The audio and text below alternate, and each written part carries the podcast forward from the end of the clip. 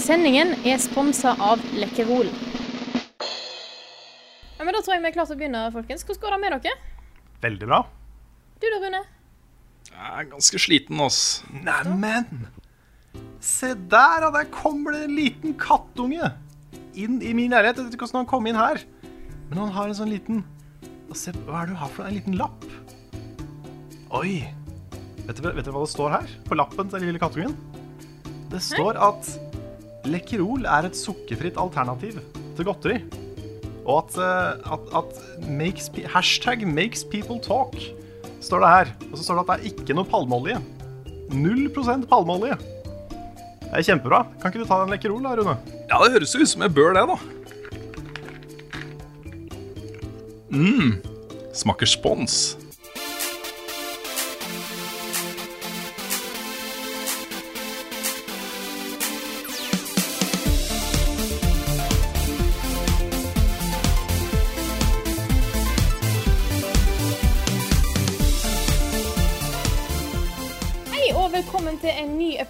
Av podkasten Level Backup. Med meg, Frida Danmo, og med meg har jeg Karl Martin Hogsnes og Rune Fjell Olsen. Hallo, hallo, folkens. Hei, Frida. Hallo. Ja, eh, før vi setter i gang, så vil vi bare nevne at vi har en konkurranse med Lekkerol gående. Den kommer vi tilbake igjen eh, til litt seinere i podkasten. Ja. Skal vi begynne å snakke litt om hva vi har eh, spilt i det siste, bare for å kaste oss ut i det? God idé. Det kan vi gjøre. Ja. Hvem har lyst til å begynne? Begynn du, Rune. Ja. Skal jeg begynne? Ja, kjør på. Ja, jeg kan jo eh, gjenta da at vi har jo starta en ny serie av eh, Film i tull-spalten vår. Hvor eh, jeg spiller gjennom Night in the Woods. Så der kommer jo episode to av den ut eh, denne uken, på onsdag. Eh, og da til neste uke så skal jeg spille gjennom resten av spillet. Så det blir tre episoder med gjennomspilling av det. Så jeg trenger ikke å snakke så mye om det, i og med at den spalten er ute. Men det er i hvert fall et spill jeg bruker litt tid på om dagen. Det ble litt stor den chunken sist også. Jeg satt liksom og Når er det det blir ferdig, dette her? Ja, ja men det er, en, det er det lengste partiet, kanskje, hvor ikke det skjer så Ja. mye i spillet. Nettopp. Det er litt mer sånn fokus på å henge med, med vennene dine. Mm. Ja, altså mange å snakke med, Ja, med lange dialoger og sånt. det, det er det. Men det tar seg Ja. veldig opp nå på slutten. altså. Ja da, jeg forventer det, og jeg liker det veldig godt så langt. Så spent på slutten. Um, ellers så har jeg Nå sparer jeg det eh, mest aktuelle til slutt, da. Men eh, jeg har jo da ikke runda, men jeg har tatt Ganon i Selda, Zelda, Breath of the Wild. Ja, Gratulerer. Så tusen takk. Eh, jeg har også tatt alle 120 shrinesa. Wow. Så jeg har jo gjort en del i det spillet, da. Ja, men Jeg vil si det kvalifiserer som å runde av det. altså. Ja. Ja, og så har jeg maksa den derre eh, drakta du får av å ta alle 120 shrines. Da, må Ja. du ha, da må du gjøre en del skit, liksom, for å gjøre det. Du må ha sånn star fragments og hele pakka, liksom. Tunic of the Wild. Tunic of the Wild, så den er maksa. Jeg driver fortsatt og pusler litt rundt i den her, da. Eh, For eksempel så uh, syns jeg det er veldig kult å utforske Hyrule Castle.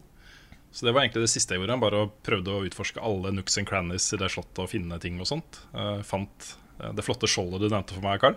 Ja, riktig. ja. Mm. Så det var egentlig derfor jeg gjorde det. Jeg ville finne det skjoldet. Jeg visste ikke hvor det var. så jeg brukte litt tid. Um, så det gjør jeg. Og så, og så har jeg lyst til å makse de forskjellige draktene til Link også. Eh, og kanskje fullføre Sidequests. Akkurat Sidequest vet jeg ikke om jeg gidder. Men eh, draktene er litt viktig for meg. Så det er kanskje. Hvis du vil, så kan du låne Amibo-samlinga mi. Så kan du få alle de Amibo-draktene også. Ja, De trenger vel sånne star fragments i hver eneste oppgraderingsslott, gjør de ikke det? Ja da, det gjør de. så det er bare å glede seg til å se etter eh, Shooting Stars. Ja. Nei, det er uh, ikke umulig at jeg takker ja til det tilbudet, Karl. Okay. Uh, jeg må også nevne et øyeblikk, fordi uh, det fins jo liksom et par måter å farme rupees og star fragments på. Um, jeg har jo begynt å sjekke Reddit litt og sånne ting. og funnet liksom at hvis du står på det og det fjellet og ser i den, den retningen når det er fullmåne, eh, fra klokken 21.30 til 02.00, så kan Ikke sant. Så jeg sto der litt, da. Uh, det var litt Cirka en time brukte jeg på det. det var litt morsomt, fordi det første halvtime så var det sånn Vet du hva, holy shit, for en fantastisk verden dette her er. Jeg begynte å liksom tenke tilbake på For det var en sånn refleksjonstid, ikke sant. Jeg var alene der oppe og begynte å tenke tilbake på alt jeg hadde gjort, og hvor fantastisk denne verden er. Eh, med vær- og vindsystem og AI og forskjellige byer og ting å gjøre og ting du oppdager og hemmeligheter og alt det der, liksom. Eh, så jeg brukte en halvtime på å reflektere over det og var ordentlig imponert over spillet. Eh, og så brukte jeg en halvtime på å tenke på Hvorfor står jeg på det fjellet her og venter på at det skal dette ned en star fragment, egentlig? så da fikk jeg litt sånn Ja. Dette er generasjon to av liksom å samle helium filaments og uh, Ja spirit da. blooms. Og, Men også, det er litt sånn jeg er som gamer. Og eh, det er litt eh, Jeg har den derre eh, Må samle, liksom. Jeg må samle. Jeg, her er det noe jeg kan samle på. Det er vanskelig å få tak i det. Da må jeg bare samle det. hvis, hvis jeg noen gang gir deg Pokémon i Film i tull, så kommer vi ikke til å se deg igjen. Nei. Nei, ikke gi meg Pokémon i film i tull, vær så snill. Da, Eller World of Warcraft. Det er liksom, jeg har fått forsterka den der følelsen av at det var et riktig valg av meg. da Aldri begynne med World of Warcraft. Nei, den, Ja. jeg tror uh, World of Warcraft-Runa hadde vært skummel. Ja, Det tror jeg også. Ja. Mm. Så ja, Men uh, jeg er veldig glad i spillet, og jeg gleder meg til DLC-en, som kommer nå Er det ikke slutten av juni? Jo, det er vel hard mode som kommer nå i sommer. Ja, pluss Men det er litt story òg. Ja, det er ikke story, det er en sånn derre horde mode. Ja, Eh, stemmer det. lignende Sånn sak. dungeon- dungeon-ting. Nettopp. Sånn, Eh, og så er det en del nye items som blir eh, gjemt rundt omkring i verden og, og sånt. Nye Eh, kostymer og sånt var det ikke da? Nye disse Jo, og så kommer det et par nye ami Amiibos også. Så Stemmer det. eh, ja. Og så er det den store dels Ja, ikke sant. Men så er det den store delscenen i slutten av året, så da har jeg lyst til å være der liksom litt OP og klar for den, da. Så det Ser kommer jeg nok til. Det er, det er nesten jeg vurderer å starte hard mode. Det er liksom, jeg har ikke sånn kjempebehov for å spille hele spillet på nytt. Nei. Men hvis det er noe nytt der, så får jeg litt lyst. Mm. Fordi jeg savner den verden, liksom. Dette er jo det eneste open world-spillet jeg har blitt glad i fordi det er open world. liksom. Mm. Skjønner hva du mener. Det er, eh, det er mange open world-spill jeg liker, men det er ikke fordi de er open world. på en måte. Mm. Kanskje ja. Mer på tross av. Så eh, jeg syns de, de har gjort så mye riktig altså, med det spillet her. At jeg, jeg savner det nå, liksom. Jeg, jeg skjønner den følelsen. Og det er bare rent på et sånn teknisk perspektiv hvor velfungerende det spillet der er. Hvor fantastisk Altså, alt fungerer. Det er ikke noe glitches og Altså kanskje noen, da, men uh, de er veldig, veldig, veldig små. Uh, stort sett så fungerer alt helt prikkfritt. Akkurat som et Nintendo-spill alltid har gjort og skal gjøre. Ikke sant? De er så gode på den der finpussen. Uh, det er det som imponerer meg mest. Alle de andre store Open World-spillene har et eller annet i seg som er liksom Ja ja, de fikk vel ikke tid til å gjøre dette ferdig, men det er greit, for det er så mye annet som er bra her, ikke sant? men har, her er det ingenting sånt, da. Jeg har merka at eh, jeg har ting i eh, Breath of the Wild som jeg nå føler er en nødvendighet nesten i spill, som jeg merker mangler eh, når jeg spiller andre spill. Og da er Det er klatring. Nå merker jeg at jeg blir, jeg blir irritert hvis jeg ikke kan komme meg opp en plass i et annet spill. For, bare, for jeg vet at i cella så kunne jeg bare klatre over den haugen, eller opp den veggen, eller hva som helst, liksom. Ja, Og hvor er den der flyve-parachute-tingen min? Ja, sant? Hvorfor har jeg ikke den i alle spill? Ja. Åh. Er... Jeg er helt enig. Og med tanke på alle de liksom, traverseringsmulighetene du har i dette spillet, da. eh, det at du kan gjøre det overalt, bortsett fra når du er liksom på kanten av uh, mappet, eller kanten av, de fire kantene av mappet, det vitner om uh, hvor gjennomarbeida dette her er. Og jeg, har, også jeg skulle likt å ha vært litt flue på veggen når de sitter og planlegger den verden og lager kartet, liksom. Og så plasserer de den ikke sant, eh, Lost Woods der og sånn og sånn der. Og, og her har vi en kjempekul fiende gjemt mellom noen klipper her. Og, og så, den prosessen her må ha vært så utrolig kul. Kjempekul. Yes. Det mest interessante jeg spiller eh, nå, da uh, Ikke det at ikke Selda er interessant, men det er jo et par måneder siden det kom ut. Uh, men det er jo Rhyme, som jeg er eh, godt i gang med og prøver å få klar anmeldelse av før eh, helgen. For det er jo langhelg og pinse og greier. Ja, ok, stemmer det. Å, herregud, ja, stemmer det. Gå Sånne, sånne ting har jeg ikke oversikt over lenger. altså. Det Sånn, var jo nettopp himmelskretten, og da måtte jeg gå på butikken igjen og få liksom dekka det. Og så plutselig innså jeg at det var pinse nå på mandag, og da må jeg òg ta en ekstra tur på butikken, bare sånn at jeg har middag alle dagene. Jeg blir så oppgitt, Sånn for meg. at jeg har jo ikke fri. Ja, Nei. sånn er meg. Men det er, Det er sånn det er noe rart med de der eh, helligdagene, fordi vi, vi bruker jo liksom ikke så mye helligdager i Buffkitten. Nei, vi Det er mer det. sånn at vi, vi jobber litt hele tida, så da, da mister liksom helligdager litt av funksjonen. Ja, Helligdager har en ganske grei funksjon for meg, da, for da er barnehagen stengt. Ja, den Da er liksom ting litt annerledes her hjemme. Ja. Så, um, så jeg må prøve å få unna en del ting før mandag. Jeg kan ikke sitte her og jeg har fått strengt uh, forbud fra kona om å sitte og jobbe på mandag, så, så vi får se. Um, og i tillegg da så har jeg installert et annet spill som har embargo på mandag. uh, og det er uh, Wipeout uh, Omega Collection. Ja. Som kom i en sånn utrolig fancy uh, presskit. Uh, det er faktisk en, uh, en LP-plate, altså et LP-album-cover med en ekte LP oppi med en av låtene fra soundtracket. Wow. Pluss da et album med, med artwork fra spillet.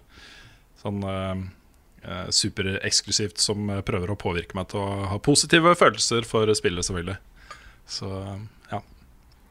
Ja. Men, uh, men det er også et spill jeg gleder meg til å spille.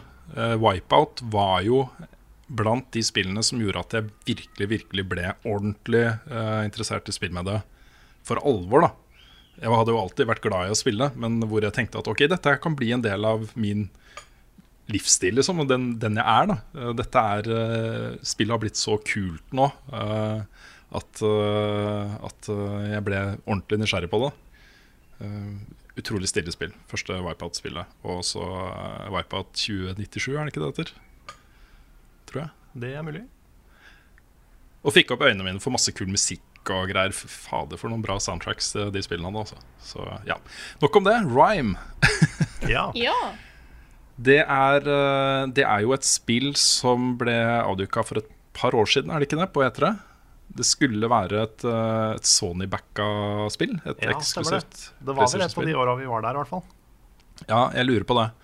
Um, veldig sånn uh, cartoony visuell stil. Uh, åpenbart sterkt inspirert av både Ico og Journey. De to er liksom ekstremt sterke uh, inspirasjonskilder i dette spillet, og det merker du så godt når du spiller det.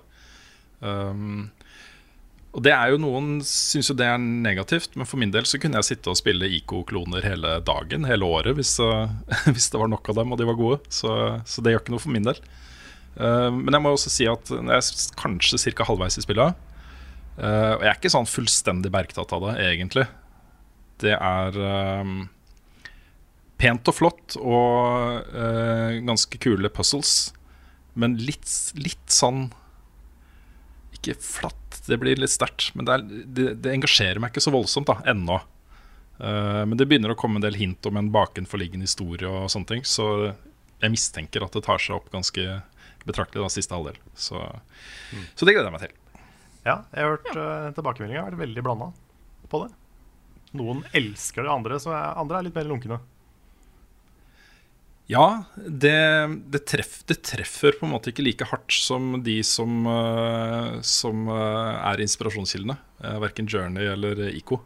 Begge de to treffer mye hardere, og de treffer mye raskere og, og tyngre fra starten av, liksom. Um, det er uh, Det er en Jeg vet ikke. Det balanserer sånn hårfint på uh, sånn knivsegg mellom, uh, mellom skaperglede og liksom kopiering, da. Hele veien, føler jeg. Og eh, noen ganger så, så føles det som den er liksom godt på riktig side av den knivseggen. Andre ganger så føles det som ok, det er veldig obvious at de plasserte akkurat det her på den måten de har gjort det, fordi Ikke sant? Eh, så man, jeg veksler litt mellom de to følelsene hele veien, og, og det er eh, Det håper jeg gir seg. da Jeg håper det liksom tar seg opp at det er en twist her, eller noe som gjør at jeg eh, virkelig, virkelig blir investert i det. Ja, Det høres veldig ut som uh, mye av det jeg følte om The Surge, egentlig. Mm. For det er akkurat samme situasjon. At det er uh, veldig tydelig inspirert, samtidig som liksom Dette er fordi du har spilt Dark Souls, dette er litt kult, men dette er fordi du har spilt Dark Souls. Ikke sant? Ja. Det er mye sånn fram og tilbake. Mm. Jeg, vet, jeg vet ikke. Sånn, det er det er, vel, det er ganske forutsigbart, det er kanskje det beste ordet. Også, musikken er akkurat sånn som du forventer den skal være. Miljøene er akkurat sånn som du forventer de skal være. Uh, Puzzlene blir på en måte Du blir liksom introdusert for nye elementer i det. Det er først og fremst et puzzlespill, vil jeg kanskje si. Det er litt plattformhopping og sånne ting, men det er, for å komme deg videre så må du løse miljøpuzzles. Uh, kanskje litt The Witness uh, der også, faktisk. Um, men, men det er litt sånn forutsigbart, egentlig. Så ja. Er det, er det et potensielt streamespill, eller er det bedre aleine i en eh, stue. Jeg vet ikke om det er et potensielt ja, Alt er jo for så vidt et potensielt eh, streamespill. Um, vi kan jo gjøre gull av gråstein, Karl. Carl. Selvfølgelig kan vi det. Ja, Laga masse, eh, laga masse gråstein av gull opp igjennom. Ja, ikke sant? Uh, nei, vi kunne ha streama det, men jeg vet ikke. Kanskje. Få se. Jeg har lyst til å se slutten, og så eh, kan, du spør kan du spørre meg igjen. Det kan jeg gjøre. Da var jeg ferdig. Ja. Har du lyst til å fortsette, Karl, eller skal jeg eh, Ja, nei, jeg kan, godt, eh, jeg kan godt fortsette. Det er, ikke, det er ikke så mye jeg har spilt. Jeg har, eh, vi, har, vi hadde en stream i går Ja. hvor, hvor Frida var tålmodig, og resten av oss var nye. For vi, vi spilte Don't Starve Together. Og det var det, det er jo litt sånn som første natta i Minecraft, det spillet der. Hvor du på en måte du må lære deg alle mekanikkene, og så må du bare prøve å overleve. Og Nick og Lars døde jo veldig tidlig. Uh, så måtte vi få de tilbake. Og jeg visste ikke hva jeg drev med, så jeg fløy rundt og høyreklikka når jeg skulle venstreklikke og motsatt. Så det var jo egentlig du som måtte stå på noe helt intenst for at ikke vi skulle bare være døde. Det var en del som kommenterte i chatten også at jeg hørtes litt stressa ut. Og det var jeg, fordi det var liksom prøve å holde alle, alle fire i live samtidig. Men at, Men, at, du, eh, at du klarte å ikke liksom skrike i løpet av den streamen, det er jeg imponert over. For jeg hadde blitt vel så stressa som det du ble. Ja, men det, det gikk jo bra. Eh, på slutten så var jo alle i live. Vi klarte å overleve 15 dager. Klarte å stå imot en eh, hound attack, som er bra bare da. Så Stemmer det. Det var da Lars løp fra de hundene, og så ble han tatt av han grisen. Og, så døde grisen, og så brant skogen opp. Og så var det mye greier som skjedde. Det var, eh, ja, men det gikk, da. det gikk. Mm. Men det var gøy. Det syns jeg. Det var, det var mye å sette seg inn i, men det var gøy. Det er litt sånn uh, heavy å sette seg inn i sånn plutselig. Det er ganske mye uh, ting, men det Når en har fått med seg liksom det som vi gjorde nå på onsdag, da, så er det resten ganske sånn bygger på det samme, da. Mm. Så dere har fått uh, basic greier nå. Nå er det bare å utforske og finne nye ting og se hva som skjer. Kult. Ellers så uh, har jeg gjort en del uh, research på spill. Jeg har uh, friska opp litt uh, hukommelsen på Final Fantasy. Fordi eh, hashtag promotion Jeg har uh, starta en ny podkast sammen med Jostein fra Radcrew og Audun fra Gamer. Det er så kult eh, opplegg, altså. Ja, det, var gøy, det er gøy å drive med. Vi har uh, laga en podkast som heter Genovas vitner. Som, uh, så første episode er ute nå, på iTunes og på Radcrew sitt, uh, sitt system. Husker ikke om den er på SoundCloud eller ikke, men det burde jeg sjekka før vi begynte. Men i hvert fall ligger den ute og er lett å, lett å finne. Og første episode handler da om Final Fantasy 7. Så vi går litt sånn hulter til bulter og tar, tar det spillet vi føler for å prate om den, den gangen. Kommer ikke hver uke, men kanskje annenhver. Blir det 15 episoder? Eh, vanskelig å si. Det blir, eh, det, blir, det blir nok ikke 15. Jeg tror vi kommer til å slå sammen 1 til 3 f.eks. Ja, høres fornuftig ut. Men sånn som 9 og 15 og 13-serien kommer sikkert til å få egne episoder. Mm. Ja. Så det er, eh, det er kos å lage. Så vi håper, eh, håper det slår an. Ja, Det er et kult konsept. og Vi snakka forrige uke om uh, Vi fikk vel spørsmål om å starte flere podkaster, om det var noen mulighet for det. Eh, Da hinta du om, om dette her, Carl. Jeg gjorde det. Det er jo ikke, ikke publisert på Level Up-universet vårt, men eh, litt sånn utenfor. Mm. Jeg har jo da også planer om å starte en eh, ny podkast til høsten. Dvs. Si det er en, en uh, Jeg har hatt en lignende podkast før, men det blir med litt andre folk og sånne ting. Men da en Destiny 2-podkast. Yes. Så kanskje. Jeg vurderer det. Uh, det er morsomt å liksom sette seg ned med de jeg spiller mest med, og um, koseprate om, eh, om eh, Destiny en gang i uka. Mm. Så, så, så vi får se. Hvis jeg, hvis jeg får det til å bli en, eh, en enkelt, enkel ting å lage, og finner et tidspunkt som passer for alle, så, så gjør jeg nok det også. Kult. Mm. Jeg har jo en annen podkast også, som ligger og ulmer litt, om, om noe som ikke er spillrelatert. Så jeg kommer til å, det har jeg sagt før, men jeg kommer til å legge ut en post etter hvert på Patrion 10 for å se om hva folk syns om ideen. For eh, jeg vet ikke om liksom en podkast som ikke handler om spill, er uh, innafor eller ikke. Om folk vil ha det. Det er greit å eh, høre med de som eh, backer oss, da. Ja, Mm. så det, det skal jeg gjøre. Men ja, Ja. ellers så har det ikke vært sånn veldig mye. Jeg har eh, endelig fått eh, spilt inn litt mer Pokémon, så da blir det mer Nuzlocke framover. Og eh, ellers litt sånn småtteri her og der. Ikke så mye stort å snakke om akkurat denne uka her. Nei. Jeg har eh, denne uka her for jeg har eh, spilt masse. Ikke bare sånn ett spill, men bare masse forskjellig. Eh, et var vel Ja, i helga spilte jeg eh, spillet som Lars anbefalte i forrige Level Up, Beholder. Vi syntes det var veldig kult. Jeg døde fordi at jeg plutselig fikk en eller annen fine, altså en eller annen eh, regning-ting jeg måtte betale. Og så hadde jeg ikke penger, for jeg har nettopp betalt for at dattera mi ikke skulle bli kjempesjuk. Så da jeg tenkte jeg skulle ta en eh, run til det, og se om jeg kommer noe lenger.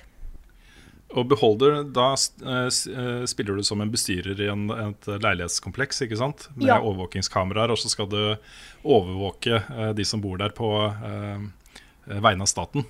Ja, staten er jo da veldig eh, kommunistisk prega, som skal ha full oversikt over alt. Og utover spillet så får du nye sanksjoner om at eh, det er ikke lov til å Ja, det er ikke lov til å høre på eh, utenlandsk musikk. Det er ikke lov til å røyke. Masse sånne ting som kommer inn, da. Og så kan du velge å eh, Du går jo rundt og spionerer litt på alle som bor i blokka, da.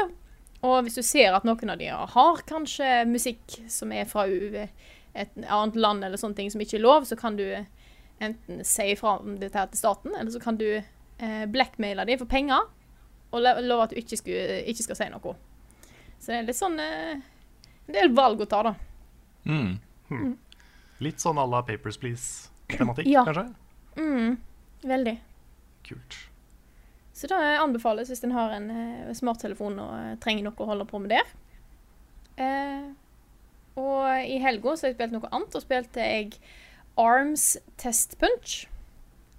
Ja, riktig. Det var nå, det. Det hadde jeg også Ja. lyst til å spille, så glemte jeg det. Det er jo en ny en til helga. Så da har Ja, Den fortsatt- tredje, er det ikke det? 3. juni? Ja. Det er lørdag og søndag. Ja, nettopp. Klokka to om natta, to på dagen og åtte på kvelden. Eh, så jeg prøvde da. Eh, sto og vifta med armene i sofaen og så skikkelig teit ut, tror jeg. Eh, men det var gøy. Jeg, eh, jeg liker konseptet. Jeg tror eh, at når en først kommer inn i det, for det blir litt sånn der eh, I starten blir det sånn at du står bare og slår og prøver å få inn så mange slag som mulig, men jeg ser at du lett kan få en del faktisk skill her, da. Uh, og med alle de ulike arms og sånne ting, så kan du få til ganske mye kult uh, i det spillet. Så jeg har, jeg har trua etter å ha prøvd demoen. Her må jeg da igjen være den personen som kommer inn og sier Arms er da et nytt spill til Nintendo Switch. Ja, er et, et slåssespill hvor man bruker eh, joyconene som eh, hver sin boksehanske. Og så står man liksom litt på avstand fra hverandre. Og så går armene ut med sånne springfjærer, ikke sant? Mm. Så det er et fighting-spill, og det ser eh, kjempekult ut. Og Nintendo Switch er- da det nyeste i en serie av konsoller som Nintendo har produsert eh, for, for hjemme- og håndholdt-markedet. Og Nintendo Arms er da et de tingene du japansk har- eh, Ja, og arms er de tingene du har under albuen din. Sånn eh, Ja. under skuldrene dine nedover, liksom. Ja. Det er, det, det, det er derfor spillet heter Arms, fordi det er oppkalt etter armene dine. Ja, nettopp. Mm. ja. Nei, vi, får, Nei, vi får være litt flinke til å bare ta en setting Ja. om hva, hvilket ja, spill det er. Ja, det er, er min feil. Jeg eh, bare setter i gang. Jeg, og regner med at alle vet alt som jeg vet, men da gjør de jo ikke. Eh, nei, så på mandag, så etter å ha spilt dette her både eh, lørdag og søndag, så had, var jeg faktisk litt småstøl i armene eh, etter å ha stått og slått der hele helga. Eh, og da ble jo ikke bedre med at eh, resten av kroppen min òg var fullstendig stiv av gangsperr etter at jeg har fått noen treningsøvelser av Lars, mm, som eh, jeg nå har begynt med, fordi trening og sånt er godt for deg, har jeg hørt.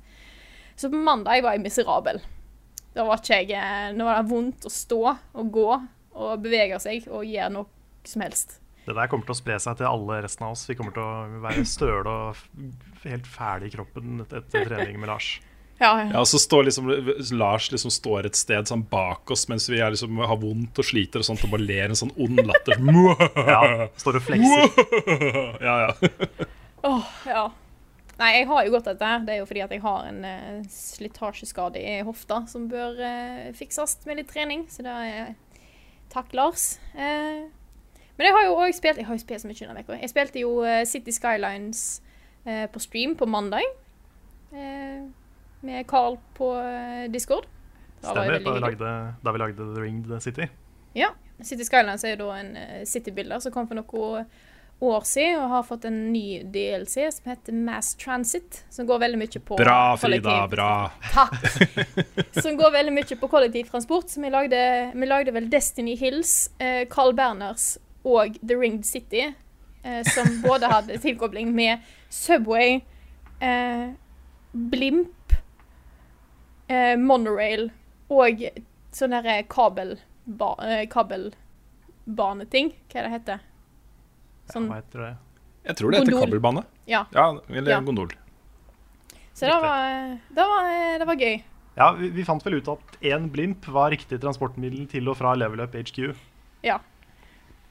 Så det, Så det- det, det var jo litt Det var litt problem da når hver blimp eh, tok 35 personer, og det var 350 stykker som sto og venta på blimpen. Men eh, Så da, det var litt sånn problematisk, men eh, jeg tror det gikk bra. Ja da. Det er verdt det for å ha en blimp, føler jeg. Ja. Da må folk tåle å stå litt i kø. ja. Og så var det altså. jo eh, selvfølgelig Don't Starve Together i går. Som jeg har Yes. spilt en del utenom eh, i tillegg, både for å liksom være klar til stream, og bare fordi jeg syns det er kjempegøy.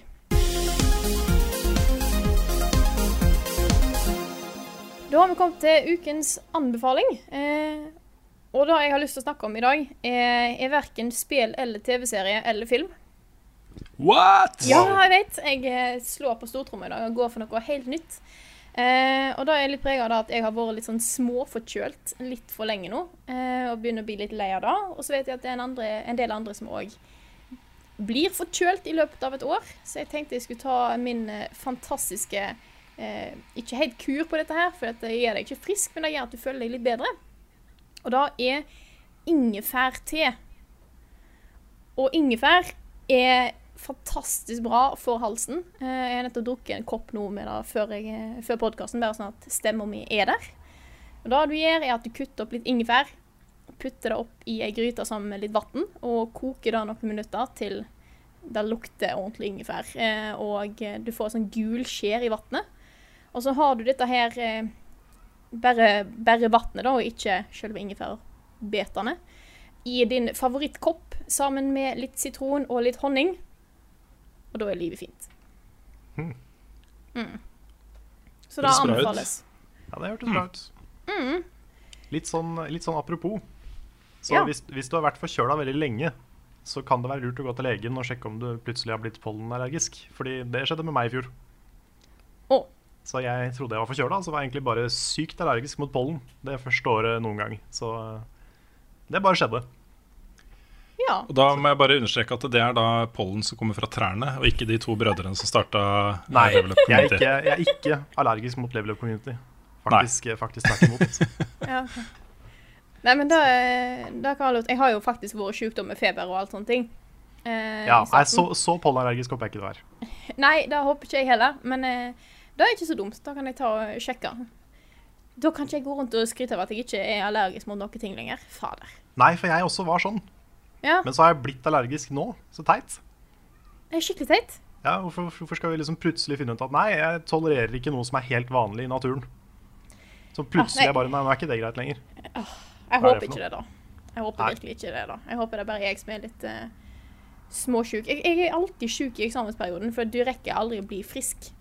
Kroppen din går bare rundt og er konstant stressa og prøver å holde denne her eh, sykdommen i sjakk. Og så ja. Mm. Jeg merker når vi, når vi har ferie, de, de gangene på året når vi tar litt fri, så da, da blir jeg veldig ofte sjuk. Fordi da har jeg liksom gått og vært litt sånn underbevisst stressa over å lage ting i mange måneder. Og så kobler vi helt ut, og da blir jeg sjuk. Mm. Veldig vanlig. Mm. Eh, må også bare nevne en, eh, en liten historie om ungene. Fordi de er jo ikke allergiske mot noen ting. Eh, bank i bordet. Men eh, det er, eh, de har arvet eh, sine eh, genene til moren sin. eh, og blir ikke syke. Eller så. Altså, de blir syke, men det er ikke så ofte. Og de er ikke allergiske mot noe. Men hver gang det er noe de ikke har lyst til å spise, så sier de at de er allergiske. Nei, jeg er allergisk mot gulrøtter, eller nei, jeg er allergisk mot brokkoli. Og det er fordi i barnehagen er det, det er alltid noen de kjenner sant, som er allergiske, og som ikke kan spise gulrøtter eller brokkoli eller hva det, hva det nå er. da. Men de er allergiske, da, og i fullt alvor. Og det er jo både utrolig irriterende og litt søtt. Det er fint på sånne tynne unnskyldninger. Ja. Litt sånn der, eh, Hvis du ikke har lyst til å pusse tenner, så bare akutt sovner du. Ja, Det var, Ja, det var ting som jeg gjorde da jeg var liten. Det var sånn, uh, Lata som jeg Been sovna. there. Ja da, det, de gjør det òg. I hvert fall yngstemann. Da har vi kommet til ukens nyheter. Kan ikke du bare sette i gang, Rune?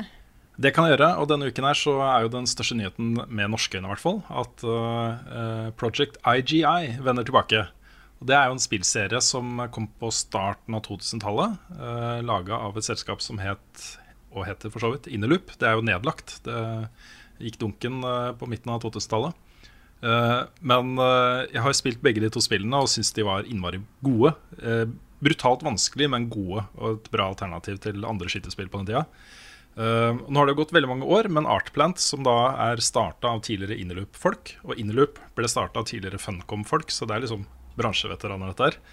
Um, uh, har kjøpt lisensen til IGI og skal lage et nytt IGI-spill. Uh, det ble kjent fordi eh, Filmfondet, eller det som nå heter NFI et eller annet, eh, ga utviklingsstøtte på to millioner kroner til det spillet.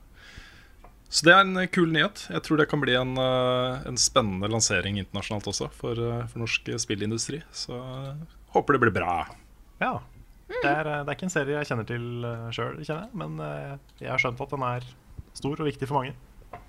Jeg har heller ikke hørt om den, men 2000, Nei, dette her tidlig er jo- da er jo ikke jeg så gammel, så Nei, det er kanskje sant. Nei, dette er jo da et uh, skytespill, men uh, det har på en måte de taktiske elementene til Hitman eller Metal Gear Solid. hvor du kommer og så Målet ditt er å infiltrere fiendebaser, militære baser. Eh, og du får ganske stor valgfrihet i hvordan du skal gjøre det. Da. Om du skal snike deg inn, skyte deg gjennom, om du skal hacke ting først, eller ta ut sikkerhetskameraer, eller ta ut den sniperen som er liksom Så du må planlegge ganske nøye. Så jeg syns, eh, jeg syns den serien har noe for seg. Altså. Det blir kult å se den, se den tilbake. Mm.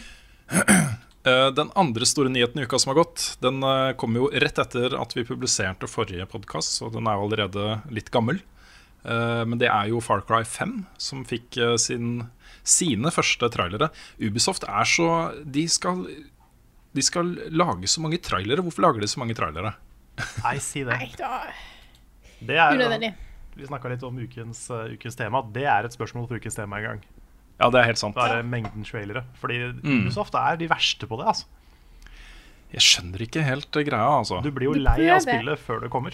De prøver å hype spillene sine så enormt mye, og de har jo sett at det ikke funker heller. For hvis det blir for mye hype, så bare så blir, har folk altfor store forventninger til spillet når det kommer ut. og alt dette her. De, de må jo snart skjønne at de kan ikke holde på sånn. Mm. Jeg er helt enig, det er slitsomt. Og det de ga ut nå, var jo da eh, en sånn reveal-trailer pluss tre trailere hvor de presenterer tre, uh, tre av spillets NPC-er, eh, altså medhjelpere i spillet. Så det ble plutselig liksom sånn veldig overload med, med info. Men, eh, men når det er sagt, da, så ser jo Far Cry 5 veldig spennende ut. Og både valg av setting og, og uh, gameplay her uh, har mye for seg, som jeg er veldig spent på. Dette foregår da i Montana i USA, hvor en, uh, en ultrareligiøs, uh, ekstremistisk eh, kristen familie eh, styrer liksom et county som heter Hope County, eh, etter liksom veldig sånne religiøse lover. Eh, det er en sånn um, uh, høyreekstrem uh, militia-greie som det jo fins noen av i USA. Også det har jo familier som det i USA og andre steder.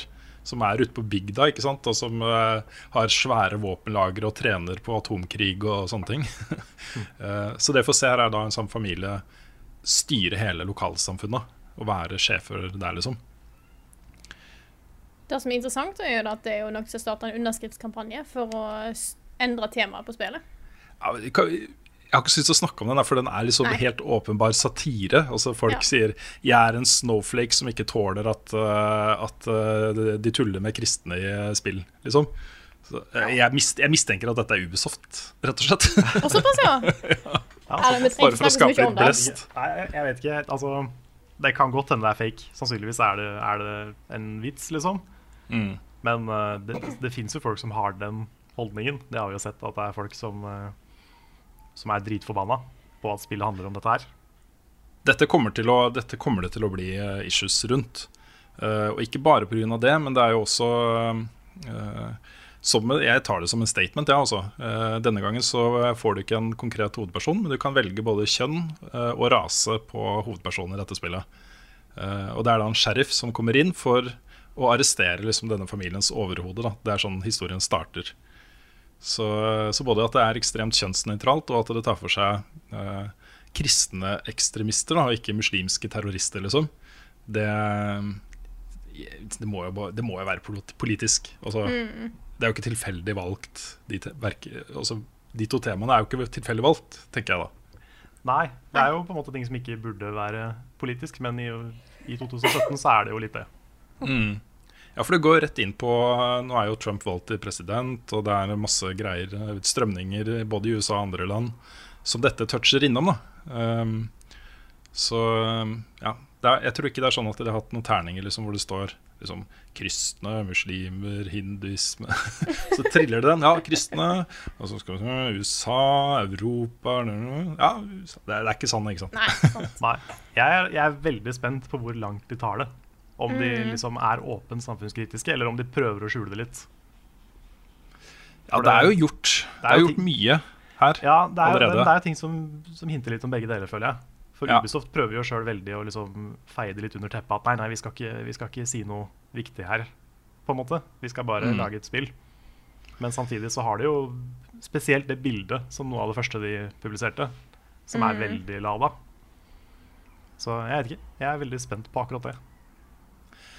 Nei, Det er eh, fullt mulig å tro på Ubisoft hvis de sier at det de prøver å gjøre, er å lage en interessant antagonist. Altså en interessant historie og en interessant setting. Eh, kanskje noe man ikke har sett så mye av i spill før, eh, men som likevel føles relevant. da.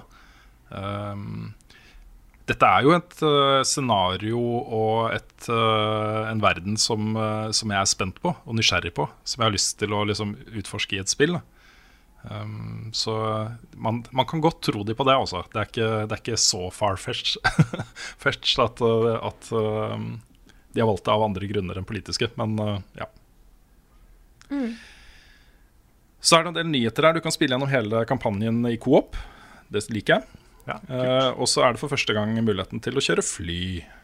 Jeg tror det er både helikoptre og sånne uh, uh, Hva heter det, disse flyene? Jeg husker ikke hva det heter. Med en propell, propellfly? Propellfly, er det ikke det det heter? Sånne små Jo, det er små fly. Ja, sånn Cessna og sånne ting, liksom. Eh, sikkert ikke jagerfly og jumbojet, men eh, sånne mindre ting du kan fly rundt omkring. Ja. Lanseringsdato der er 27.2.2018, og med 27.2.2018 så mener de vel egentlig 13.9.2018, eller noe sånt? Vil jeg tro.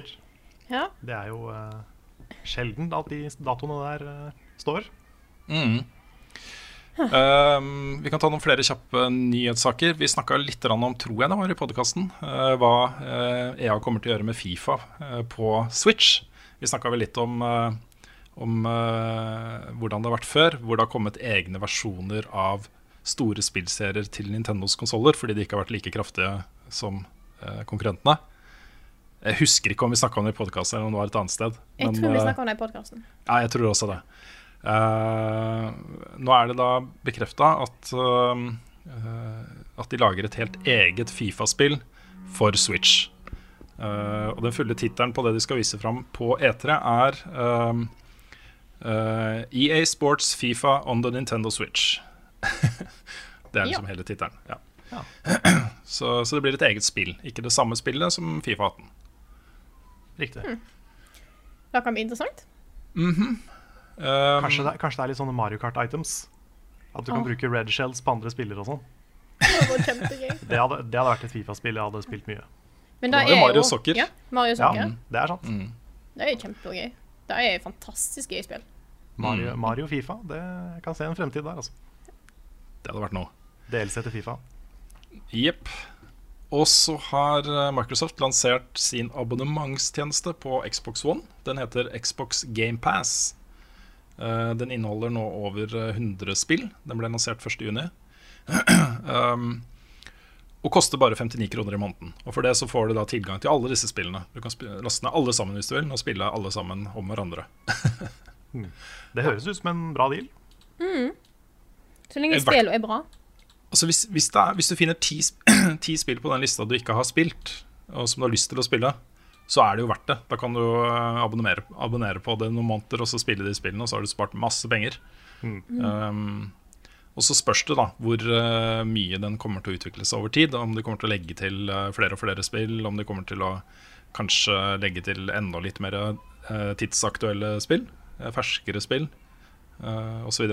Men uh, men jeg er veldig spent på den her også. Jeg tror det er en, en riktig eh, Riktig tjeneste.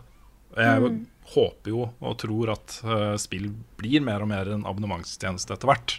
Så det er på en måte starten på noe interessant. Da.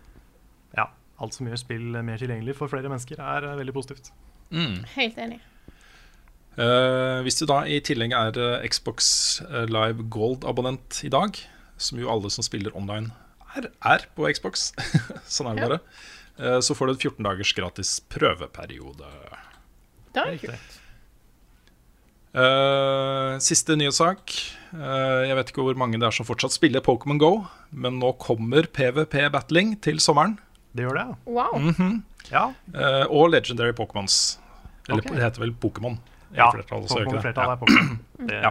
det har vi fått litt kommentarer på i, i Level Update, har jeg sett. Ja, ikke sant. Ja, men PVP kommer altså. Dette er jo en tjeneste som alle snakka om og burde være der fra starten av. Var godt og venta på og håpa skulle komme og sånne ting. Eh, kanskje litt for lite, litt for sent, men, eh, men det er jo bra at det endelig kommer. Ja, er jeg må, jeg må jo si da, fordi Kristine og jeg spiller fortsatt litt sånn low-key Pokémon Go. Eh, ikke mye, men sånn når vi, når vi skal noe, sender at vi har det oppe, liksom. Og det er ikke battling jeg vil ha mer av. Det, det har jeg ikke gjort siden sommeren. Det er jo trading som er den store tingen, føler jeg. Det er det jeg går og venter på. Nettopp. Så det at du kan slåss mot andre, ok, det er kult, men det er jo virkelig ikke det det spillet trenger nå. Men jeg tror likevel det er et godt uh, valg av de å lansere det nå til sommeren. For uh, jeg Det tror det. en av grunnene til at Pokémon GO fikk så stor popularitet, var jo at det var sommer, det var fint vær, folk kunne gå ute og, uh, i solo. Eh, og da å gi en så stor update nå til sommeren kan være et smart valg for å få litt, mer, litt større playerbase, da. Jeg tror hvis de skal slå an skikkelig igjen, så må de, så må de introdusere både trading og generasjon 3 nå til sommeren. Jeg tror det, er, det er måten å gjøre det på. Ja, Det kan hende. Dette er jo på en måte ikke basert på noen pressemelding eller noen offisielle announcement, eller noen sånne ting, men eh, det er da uh, Niantic-sjef eh, Mathieu de Faye som ble intervjuet av en brasiliansk uh, avis, hvor han sier det, at, eh, at de lanserer til sommeren flere ting som handler om å uh, gi mer verdi til hvilket team du har valgt og sånne ting. Og da nevner han PVP Battles, uh, f.eks., uh, som, som en av de tingene de introduserer. Og det, han, har det han sier i intervjuet, er jo at, uh, at det de har virkelig lært gjennom Ingress, som er det forrige store AR-spillet de lagde Det er vel fortsatt folk som spiller det, tror jeg. Ja da. Sett på bussen. Ja, ikke sant. Og det er at øh, Han sier at øh, spillet kan liksom opprettholde seg selv hvis de klarer å lage gode nok sosiale interaksjoner mellom spillerne. Så hvis man har liksom ting å gjøre med andre spillere i dette universet, så øh, lever spillet lengre. Uh, og det danner også utgangspunktet for den oppdateringen de jobber med uh, til sommeren. Da. Så, så det kan hende at det er flere ting der som ikke det han har snakka om. Ok. Ja. Ja, for det, hvis trading er en del av det, så, så er det riktig tenkt, føler jeg. Da er du back, Da, da, er, da er jeg litt back. kanskje. Men, eh, men det kampsystemet det spillet har, det gidder jeg bare ikke å bry meg om. Nei. Det er for dårlig. Da skal vi snakke litt om ukens tema, og i dag har vi tenkt å snakke litt om E E3. Ja, det er jo ennå et par uker til etere, men, øh, men øh, det blir en såpass stor ting for oss, og det er en såpass stor, stor ting i spillverdenen, at, øh, at vi kommer til å ta det som ukens tema nå to uker på rad. Så gærne er vi. Wow. Jeg er helt det Ja, og det, neste episode så, så er det vel det, den helgen vi skal starte livesendingene våre. Da kommer episoden ut på fredag, og vi starter livesendingene våre lørdag 10. juni. Blir ikke det riktig dato? Jo. Det er riktig. På kvelden. Jepp. Så, så vi tenkte denne uken å snakke litt om hvordan vi skal dekke det. Eh, og så neste uke så har vi tenkt å forberede hver vår topp fem-liste med predictions for etere. Det kan bli spennende. Mm. Ja. Så kan vi jo sjekke liksom uka etter hvor rett vi har det. Ja, det kan være. Ja. Ja, men er, er, må, er målet å ha det mest rett? Det må For ikke være det. Litt, nei, ok, greit. Nei. Kanskje, kanskje vi, vi kan bare drite i det jeg sa nå. Så, så, Jeg får se, jeg har ikke bestemt meg for hva slags liste jeg skal lage ennå. Men det er ikke sikkert jeg, det er ikke sikkert jeg kommer til å ta, lage en superseriøs liste. Nei, OK. ok, Kanskje. Skjønner. Men ja, vi skal ha uh, livesendinger fra alle pressekonferansene. Vi starter med EA sin, som, uh, som uh, går av stabelen den 10. juni klokken 21, er det ikke det? På kvelden? Klokka 9? Jeg mener du husker at det er det. Jeg også mener det er riktig. Jeg kan ta Det og kom- imens. Ja, vi skal ta en full schedule eh, skal vi presentere både i neste episode av podkasten, men også lage en egen video om, som vi publiserer på kanalen vår og på Facebook. Uh, hvor vi går gjennom nøyaktig når vi er live, og hva vi skal gjøre, og hvor lenge vi har ettershow og litt sånne ting. Jeg Men, eh. Ja, ikke sant. Men det som er viktig her, er jo at vi blir forhåpentligvis eh, hele gjengen, eh, alle seks, eh, i studio i Oslo. Eh, Vi er live en halvtime til time før eh, alle pressekonferansene.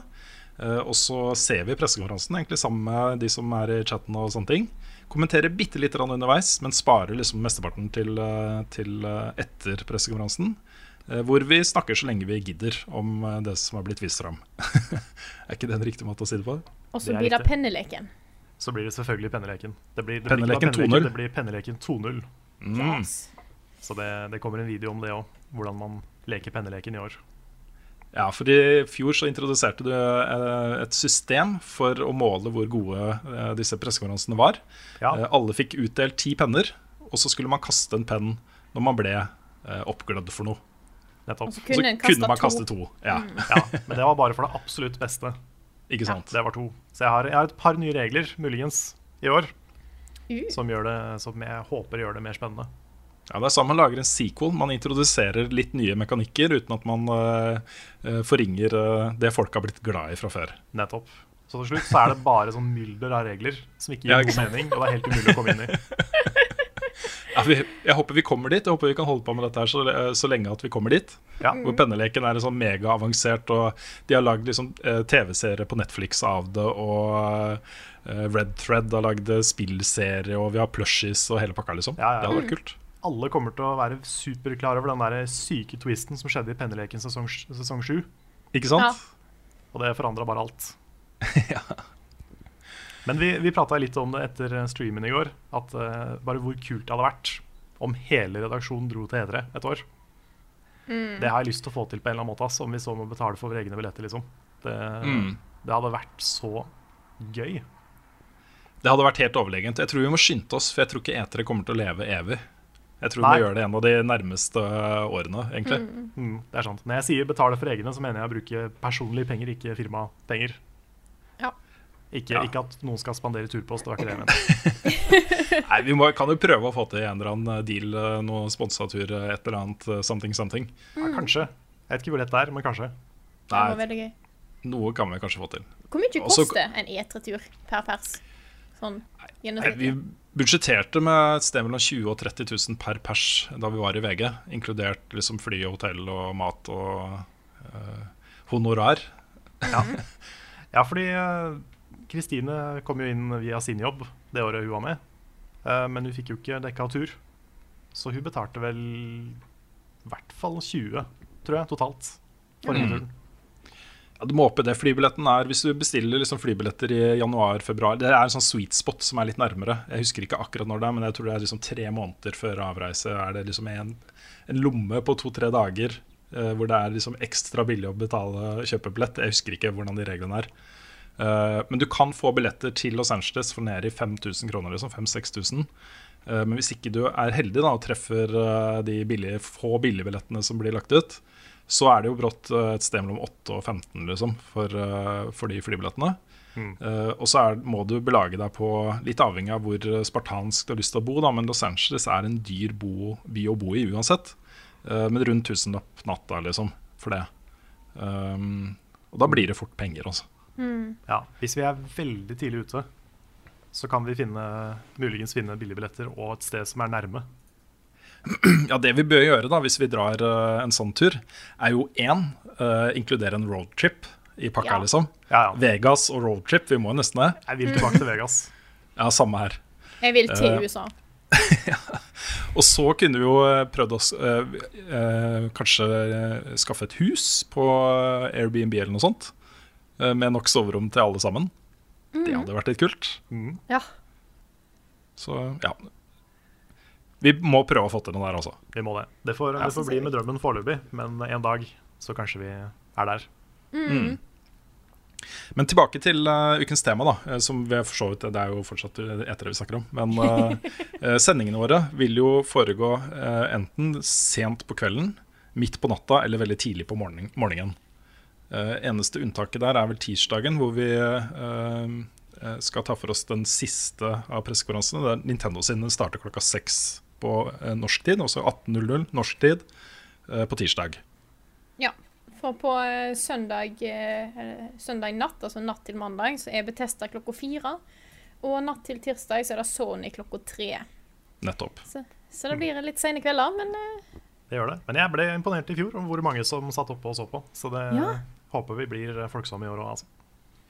Det var utrolig god stemning i, eh, både mellom oss men i chatten og alt. Og det å sitte og se dette her live Uansett hvor interessert man er i etere i utgangspunktet, men bare det å sitte og se dette live og liksom uh, dele reaksjoner med andre på den måten vi gjorde i fjor, har noe for seg altså, hvis du er spillinteressert. Det er uh, kjempegøy. Så jeg vet at det er mange som har liksom planlagt uh, feriedager og litt sånne ting rundt etere for å kunne sitte oppe og se disse pressekonferansene. Eh, og jeg har jo fått fri hjemme. Uh, fått lov til å, til å være døgnvill og rar uh, de dagene dette pågår. Um, men det er en veldig kul opplevelse. Og i år så har vi også et mye bedre studio enn vi hadde i fjor. Litt spent på hvor varmt det blir der, for det er et lukka rom uten vinduer og luftemuligheter, liksom. Så, men det er bra lyssetting, da. Så Ja, masse fine, varme lys, så det blir bra. Ikke sant? Mm. Ja. ja da. Eh, og Vi kommer også til å ha en fast uh, gjest der. Jeg vet ikke hvor mye han har lyst til å være on camera, men eh, Tarjei eh, er jo han som har ordna dette studioet for oss på Forskningsparken på Blind Blindern. Et skikkelig proft eh, TV-studio, rett og slett, men han skal være vår verge da, mens vi er der. Og sørge for at vi kommer oss inn og ut av låste dører og men ikke ødelegger studioet. Ja. ja, ikke setter i gang alarmer og Ikke sette fyr på ting. Ikke sant? Mm. Det er jo, eh, så vidt jeg har skjønt, så er det stor sjanse for at Bjørn også dukker opp. Ja, det hadde vært kult. Mm. Han, eh, han har i hvert fall lyst til det. Mm. Det hadde vært kjempehyggelig. Kanskje flere. Jeg vet- ikke helt åssen det blir med Kristine i år, men uh, mulig hun dukker opp litt, uh, hun også. Det hadde bare vært hyggelig. The more the merrier. Yes. Vi har også en egen liten sånn der hvileseksjon i dette store studioet som det går an å sitte litt hvis ikke du har lyst til å være uh, i disse lampe, det, dette lampelyset hele tiden. Så litt sånn hvileområde. Nice. Nei, det, her blir, det blir så gøy, altså. Ja, det blir kjempegøy. Det var dritgøy i fjor. Og det er eh, se, altså, Selv om det høres kanskje rart ut, selv om vi ikke var der, så var det dritgøy i fjor. Og det var liksom egentlig like gøy å ikke være der som å være der. Mm. Jeg, jeg, jeg er litt enig i den, altså. Eh, og så skal vi da også benytte anledningen til å gjøre en del felles ting når vi først er samla alle sammen. F.eks. ta profilbilder til hjemmesider av alle sammen. Yes. sånn gruppefotos til ting og tang. Eh, kanskje eh, gjøre litt pre-recording av podkaststoff til sommeren. Um, og så videre. Ja, ja, for der har vi en liten utfordring, fordi eh, det vi har snakket om, er at istedenfor at vi tar hver vår måned ferie, sånn som vi gjorde i fjor, så tar Rune og jeg samme måneden. For at ikke Ja, vi må nesten gjøre sånn- det i år. Ja, for at ikke det skal bli sånn halv, halvveis produksjon i to måneder, på en måte. Mm. Så eh, vi får bare finne på noe lurt i juli som vi kan eh, vise da. Mm. Ja. Det er også i tillegg eh, August kommer til å bli en, eh, en busy måned for oss, Carl. Så vi kan ikke være bare én av oss på jobb der. Nei, ikke sant. Det, mm, ja, det kan jo, kan nevne det kjapt. Jeg hadde tenkt å gå litt mer i detalj på det, men jeg, men eh, jeg skal sjekke om billetten er lagt ut. Vi skal jo ha eh, et liveshow eh, på Kilden i Kristiansand i august. Og det er da den 18. august, eller var det den 19.? Skal vi se, jeg skal, nå må jeg prøve å få dette her korrekt.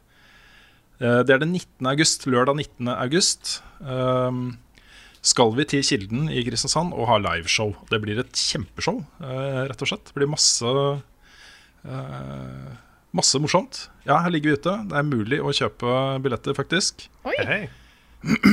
Eh, billetter. Ja, du går til kilden.com. Um, og så ligger det en link litt ned på den siden. Kult, kult. Det, det kommer det også masse mer info om etter hvert. Vi lager en video om det og diverse. Ja, vi får begynne å prioritere det skikkelig fra neste uke. Hver eneste podkast kommer vi da til å snakke om denne.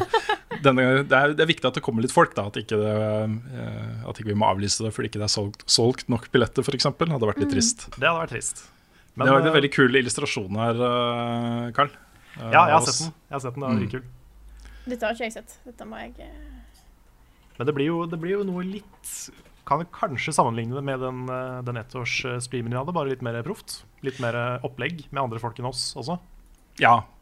Blir det blir et strammere program og et litt mer kanskje um, uh, Litt mer ramme rundt det. Dette blir jo en proff eh, TV-produksjon, først og fremst. Også, eh, TV og lyd her blir jo top notch. Det er jo noe av det beste vi har i Norge, de systemene de har i Kilden. Eh, dritbra scener og sånne ting. Um, og vi kommer til å ha gjester. Dpad kommer. Jon Cato kommer faktisk også, som representant for Krillbite.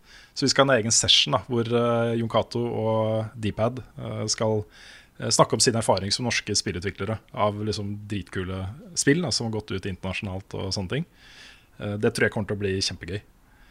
Det blir bra. Så Ja. be there or be somewhere else.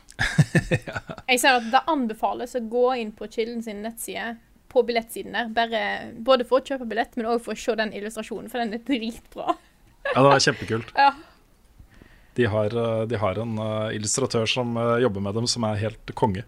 Så, så det er bra. Greit. Var det noe mer vi skulle si om eh, etere før det sklir helt ut her, og vi begynner å snakke om eh, hva vi skal gjøre til jul og sånne ting? Nei, det er vel bra nå, er det ikke det? E3 blir kjempebra.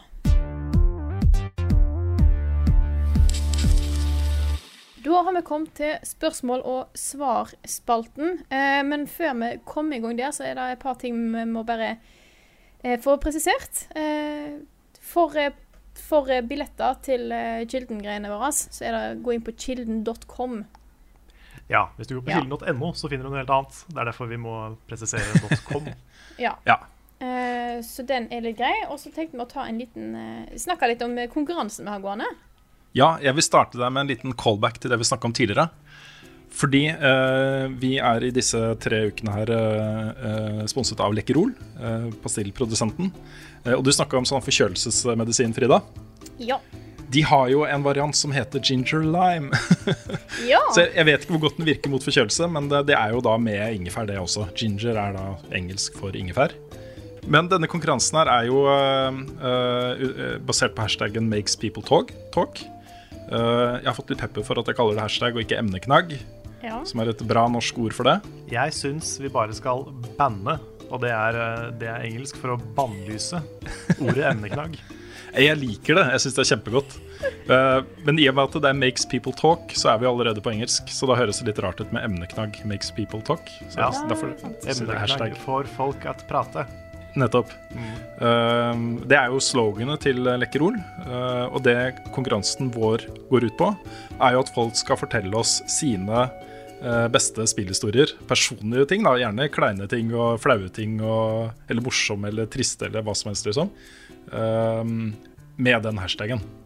Og eh, premien er jo at eh, eh, de som har den beste historien, vil være gjest eh, i spørsmål og svar-spalten vår eh, i podkasten neste uke. eh, for å fortelle da sin historie. Og så kan vi snakke litt Kanskje det er et tema der som det er interessant å snakke litt mer om. Eh, og Det er også to parallelle konkurranser her. Den ene er jo ren tekst. eh, eh, hvor man skriver, en, skriver sin historie. Den andre er visuell. Da kan du lage kunst eller bilder eller montasje eller et eller annet med utgangspunkt i Makes People Talk-opplegget. Så vi kommer da til å ha også to vinnere. Begge blir gjester i denne, den, det segmentet da, i podkasten neste uke. Og Ja. siden vi skal ta med dette her i podkasten neste uke, så må dere sende inn før onsdag. Ja. Nettopp. F ja, før onsdag. Så inn, før du legger deg på tirsdag, så bør du ha sendt, uh, sendt din historie. Eh, premien er da å være gjest hos oss, pluss en kasse. Og vi er fortsatt ikke helt sikre på hvor stor den kassen er, men vi antar det er ganske mye. Plass til ganske mye. Men det er en kasse, uh, en eske med Lekkerol, og et Ja. trådløst headset. Det, altså det, at de, det at de bruker ordet kasse, det føler jeg er liksom en sånn selvtillitserklæring. At dette, er, Mm. dette er mye. Ja, det, jeg tror, tror det er i hvert fall nok til at du syns det er mye. Ja. At det kvalifiserer som kasse. Ja, ikke sant? Ja. Mm. Så, ehm, så ja, det trådløse headsetet vet jeg ikke noe mer om. Jeg bare vet det er et trådløst eh, headset. Vi, eh, ja, vi tar jo imot disse bidragene på to forskjellige steder. Det ene er på Facebook, eh, og det andre er på Instagram. Og i tilfelle Facebook så må du bruke eh, hashtaggen makespeopletalk og hashtaggen buffkitten pluss alfakrøll lakirol Norge uten underscore på Facebook. På Instagram så er det alfakrøll lakirol underscore Norge. Akkurat. Men vi klarer å finne det hvis de har med hashtag buffkitten òg. Ja, det er viktig at den kommer med også, sånn at vi har, eh, at vi har full kontroll på hva som faktisk er sendt inn til vår konkurranse. For det er jo ikke den eneste podkasten denne kampanjen går i. Den går jo i andre podkaster også. Så plutselig så sitter vi og forteller sminkehistorier eller eh, et eller annet, ikke sant. Men en ting jeg la merke til, er at det er ganske mange, spesielt på Instagram, som bruker hashtag buffkitten til å poste bilder av kattene sine. Ja, er det det? Ja. Er noen. Ja. Wow. Men vi, så vi, det er- vi får bare bla gjennom en del søte kattebilder, og så finner vi det. Ja, oh, Å nei, må vi det? Å oh, nei, men nei, å nei. Jeg tror, vi tror vi overlever det, altså. Ja, jeg vil anta det. Og så vet vi jo at det er ganske mange som ikke syns det er så gøy å poste kleine personlige private historier på sin egen vegg på Facebook eller på sin egen Instagram-konto. Hvis du er en av dem, så har du muligheten til å sende oss eh, dette her privat. I så fall så bruker du e-postadressen levelup at buffkitten.no. Eller du kan sende oss en melding på Facebook-siden vår. Du finner oss der ved å søke opp Levelup Norge. Sånn, det var konkurransen vår, og jeg håper jo at det kommer inn masse gøy her. Masse morsomt. Gleder meg til å se hva som dukker opp i løpet av eh, den siste uka. Eh, og så blir det da um, fremføring i neste episode. Yes. Skal vi kjøre på med spørsmål? Ja. Ja. Eh, da kan vi jo begynne eh, med et spørsmål vi har fått fra Jarl Erik Tveit på Patron. Så spør dere skal utforme, eh, dere skal utforme en ny logo osv. Er dere noe nærmere der? Håper det vil være mulig å bestille kaffekrus med den nye slash gode gamle logoen snart. Ja, der kan vi jo, eh, kan vi jo avsløre at eh, vi har i dag eh, alle tre sittet og sett på en skisse av vår nye logo. Eh, Det er eh, Simon, selveste Simon i Dpad, som lager logo for oss. Eh, og han tar betalt for det. Det er et betalt oppdrag. Eh, han tar ikke like mye betalt som Scandinavian Design Group, eller noe sånt, og vi får en relativt billig logo. Det er mye penger for oss, men eh, eh, men, Logo er eh, dyrt. Logo er dyrt, altså. Og det han har, det han har laga, er jo rett og slett noe som er eh, utrolig kult. eh, som vi gleder oss veldig til å begynne å bruke. Det er Eh, kjempestilig.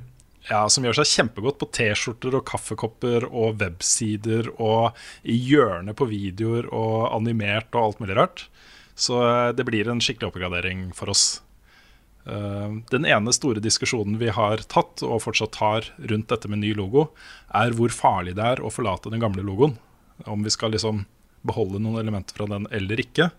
Eh, Og det, det er en litt vanskelig diskusjon, fordi den pila, liksom, den er så vanskelig å bruke til noe annet enn å bare være en pil Ja. for seg selv, hvis du skjønner hva men jeg bruke det som en del andre ting er kjempevanskelig. Ja. Den er litt for, eh, litt for spesifikk og litt for kantete og for mye som skjer med den og sånt. Så, så det, er ikke, det er ikke sikkert at vi beholder den. Mest sannsynlig gjør vi kanskje ikke det, men eh, det er en, fortsatt, det er en diskusjon vi fortsatt ikke er helt ferdig med. Um, det er mulig at vi eh, Ja, vi får se hva som skjer der. Men den, i hvert fall da, så tror vi at hvis vi eh, erstatter den gamle med noe helt nytt, så tror vi jo at alle vil, de fleste i hvert fall, vi synes den er god nok til at det er rettferdiggjort. Den er så stilig, altså. Så Mm. Og så er det, ikke, det er ikke sånn at vi går, går vekk fra liksom pilmotivet, for det har vært med oss hele veien. mm. Men uh, at den kanskje får en litt annen form. Og den blir ikke vist helt ennå, for den er ikke helt uh, klar. Vi må, først må logoen bli helt klar, og så skal vi lage litt sånn animasjoner, litt sånn uh, alt mulig rart på den. Mhm. Men eh, han blir vist fram etter hvert. Ja, det blir en, det blir en launch av en ny, ny visuell profil, vel? Ja. Det er nok en riktig måte å si det på. Da vil vi gjerne ha alt klart. Hjemmeside og eh, grafikk til YouTube-kanalen vår og alt mulig rart, egentlig. Så bare Mm. sånn at vi kan pøse det ut i en jafs, og så er vi nye level up. Yes. Så se etter en facelift en gang litt etter sommeren, var det ikke det vi snakka om? Jo, det blir nok rundt der. Eh, Jeg bare legge til også, Det er så morsomt med Simon, fordi han har jo liksom lagd uh, skisser til oss. Det er det han har gjort nå. Han har jo satt seg der og han sier at her er noe jeg slang sammen på fem minutter i stad. Liksom. Og så er- ser det jo dritbra ut. Det er Ja. nesten sånn at de kunne bare rentegna det og så brukt det som logo. ikke sant? så eh, ja, han er eh, flink, altså. Det er Profil. kjekt å ha han med, for han er så, han er så dyktig i det han gjør. Veldig, veldig dyktig det han er. Da går vi videre til eh, et nytt spørsmål. Eh, og da er noe jeg har sett dukke opp litt i det siste, som vi kanskje har glemt litt å snakke om, tror jeg. Eh, og bare tatt det som en selvfølge at alle vet hva det er. Og da er Lars Johannessen som skriver Hei og takk for knakende god underholdning, særlig med podkasten Når jeg lufter pelsen. Jeg har fulgt med på Level Up helt siden Carl Thomas sin tid i gamle dager, og støtter på Patron. Men mitt meget lille spørsmål er Hva mener dere med sin for? Hva er greia med den irriterte med grønn på det i lang tid nå? Ja, det var et godt spørsmål. ja, det, det har vi kanskje ikke forklart så veldig, veldig mange ganger. Nei. Jeg forklarte det liksom en gang for halvannet år siden, eller når vi begynte å bruke det, og så Ja, fordi vi pleier å få inn, eh, vi får inn spørsmål, og mange eh, av spørsmålene vi får inn er av en del faste folk. Eh, Og en av disse er Trond Synfor Borgersen. Og Sinfor er da artistnavnet hans, Ja. og skrives S-I-N-F-O-U-R. Eh, Det er sånn han skriver det. Eh, Og dette starta jo fordi uh, etter at vi begynte å åpne for seere, ly, lytterspørsmål i podkasten, så var jo han fast ute hver eneste uke med et nytt spørsmål. Og så gjorde vi det som en litt sånn greie en uke. At, ja, vi tar en ukens Sinfor, og så har vi en egen, egen themelåt til det og sånne ting. Han var liksom den første som sendte inn fast da, spørsmål hver eneste uke. Eh, og så etablerte det seg bare. Eh, Ja, jeg Sinfor var jo, jeg møtte jo Sinfor først på Retrospillmessa eh, for tre-fire år siden nå, tror jeg. Ja, Det var vel andre, første eller andre gang det var retrospillmesse i Sandefjord. Og han har jo vært en fast, eh, fast lytter. Han hadde alltid liksom veldig bra kvalitet på spørsmåla sine. Det var alltid Mm. sånn oppfinnsomme, bra spørsmål. Ja. Så han på en måte vi, vi la merke til at han var der da, hver, hver uke. Derfor så Mm. ble det liksom en, en greie. Men jeg kan Ja. godt skjønne at folk ikke helt skjønner hva Ukens Sinfor er for noe, når vi ikke egentlig har forklart det på et par år. Nei, Vi kan jo legge til da, hver gang vi har ukens uh, Sinfor. Det er, jo, det er jo ikke hver uke vi har det, men uh, nesten hver uke. eh, at spørsmålet er sendt inn av Trond Borgersen. Sånn, Ja. Eller noe sånt. At vi nevner oss Sinfor, det er Trond Borgersen eller et eller annet. Da. Bare Det, sånn det er sant. det er sant. I tilfelle nye lyttere osv. Sant. Eh, jeg har et eh, Sinfor-spørsmål denne gangen, så hvis eh, Karl kan gjøre seg klar, så kan vi ta et annet spørsmål imens. Jeg skal gjøre meg klar.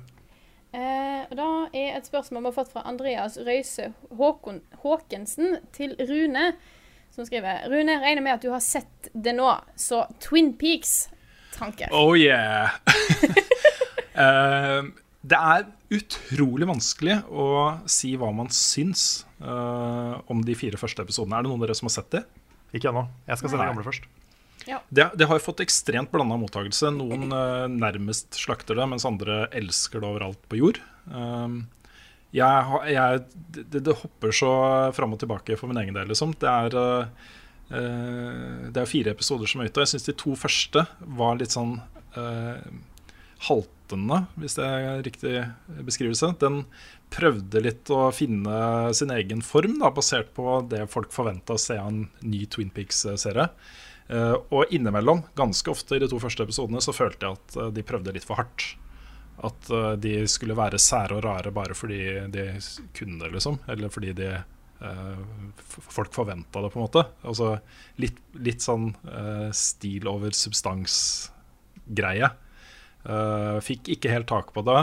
var elementer der, liksom. Det var enkelte episoder eh, eller scenarioer i de to første episodene som jeg var veldig interessert og engasjert i. Men jevnt over ikke så veldig bra, da. Ganske skuffa, egentlig. Men de to neste episodene er så crazy bra at nå er jeg liksom Jeg klarer nesten ikke å vente på hva som kommer til å skje. Det, det er Det er jo veldig, veldig sært fortsatt. Ekstremt sært. Litt vanskelig å uh, få ordentlig tak i hva dette handler om. Men uh, uh, veldig mye sterke scener og kule, kule retninger historien tar. Da. Så ja. Det er sånn tommel både opp og ned foreløpig. det kan gå litt begge veier. jeg får av og til litt følelsen av at, av at de gjør litt narr av oss, David Lynch og, og, Mark Frost. At det, at det er sånn uh, Eh, jeg vet ikke, jeg spiller litt på forventninger uh, til hva de skal ha med. Og nesten liksom venstrehåndsarbeid enkelte deler der. Men ja, jeg håper, det, jeg håper, det, setter seg litt mer, da. Og det som er Nå prater jeg mye om Det som er tinget med David Lynch da, i utgangspunktet, det er jo at i veldig mye av det han gjør, så må du på en måte uh, filtrere bort alt det rare for å finne kjernen i det han prøver å fortelle. Og sånn er det også her. Det er masse sånn abstrakte ting som skjer, og ting du ikke aner uh, hva sammenhengen er med de andre tingene som har skjedd. og sånne ting. Men det er alltid en kjerne av noe, også en, uh, en, en tråd det er mulig å følge da, gjennom alt det absurde.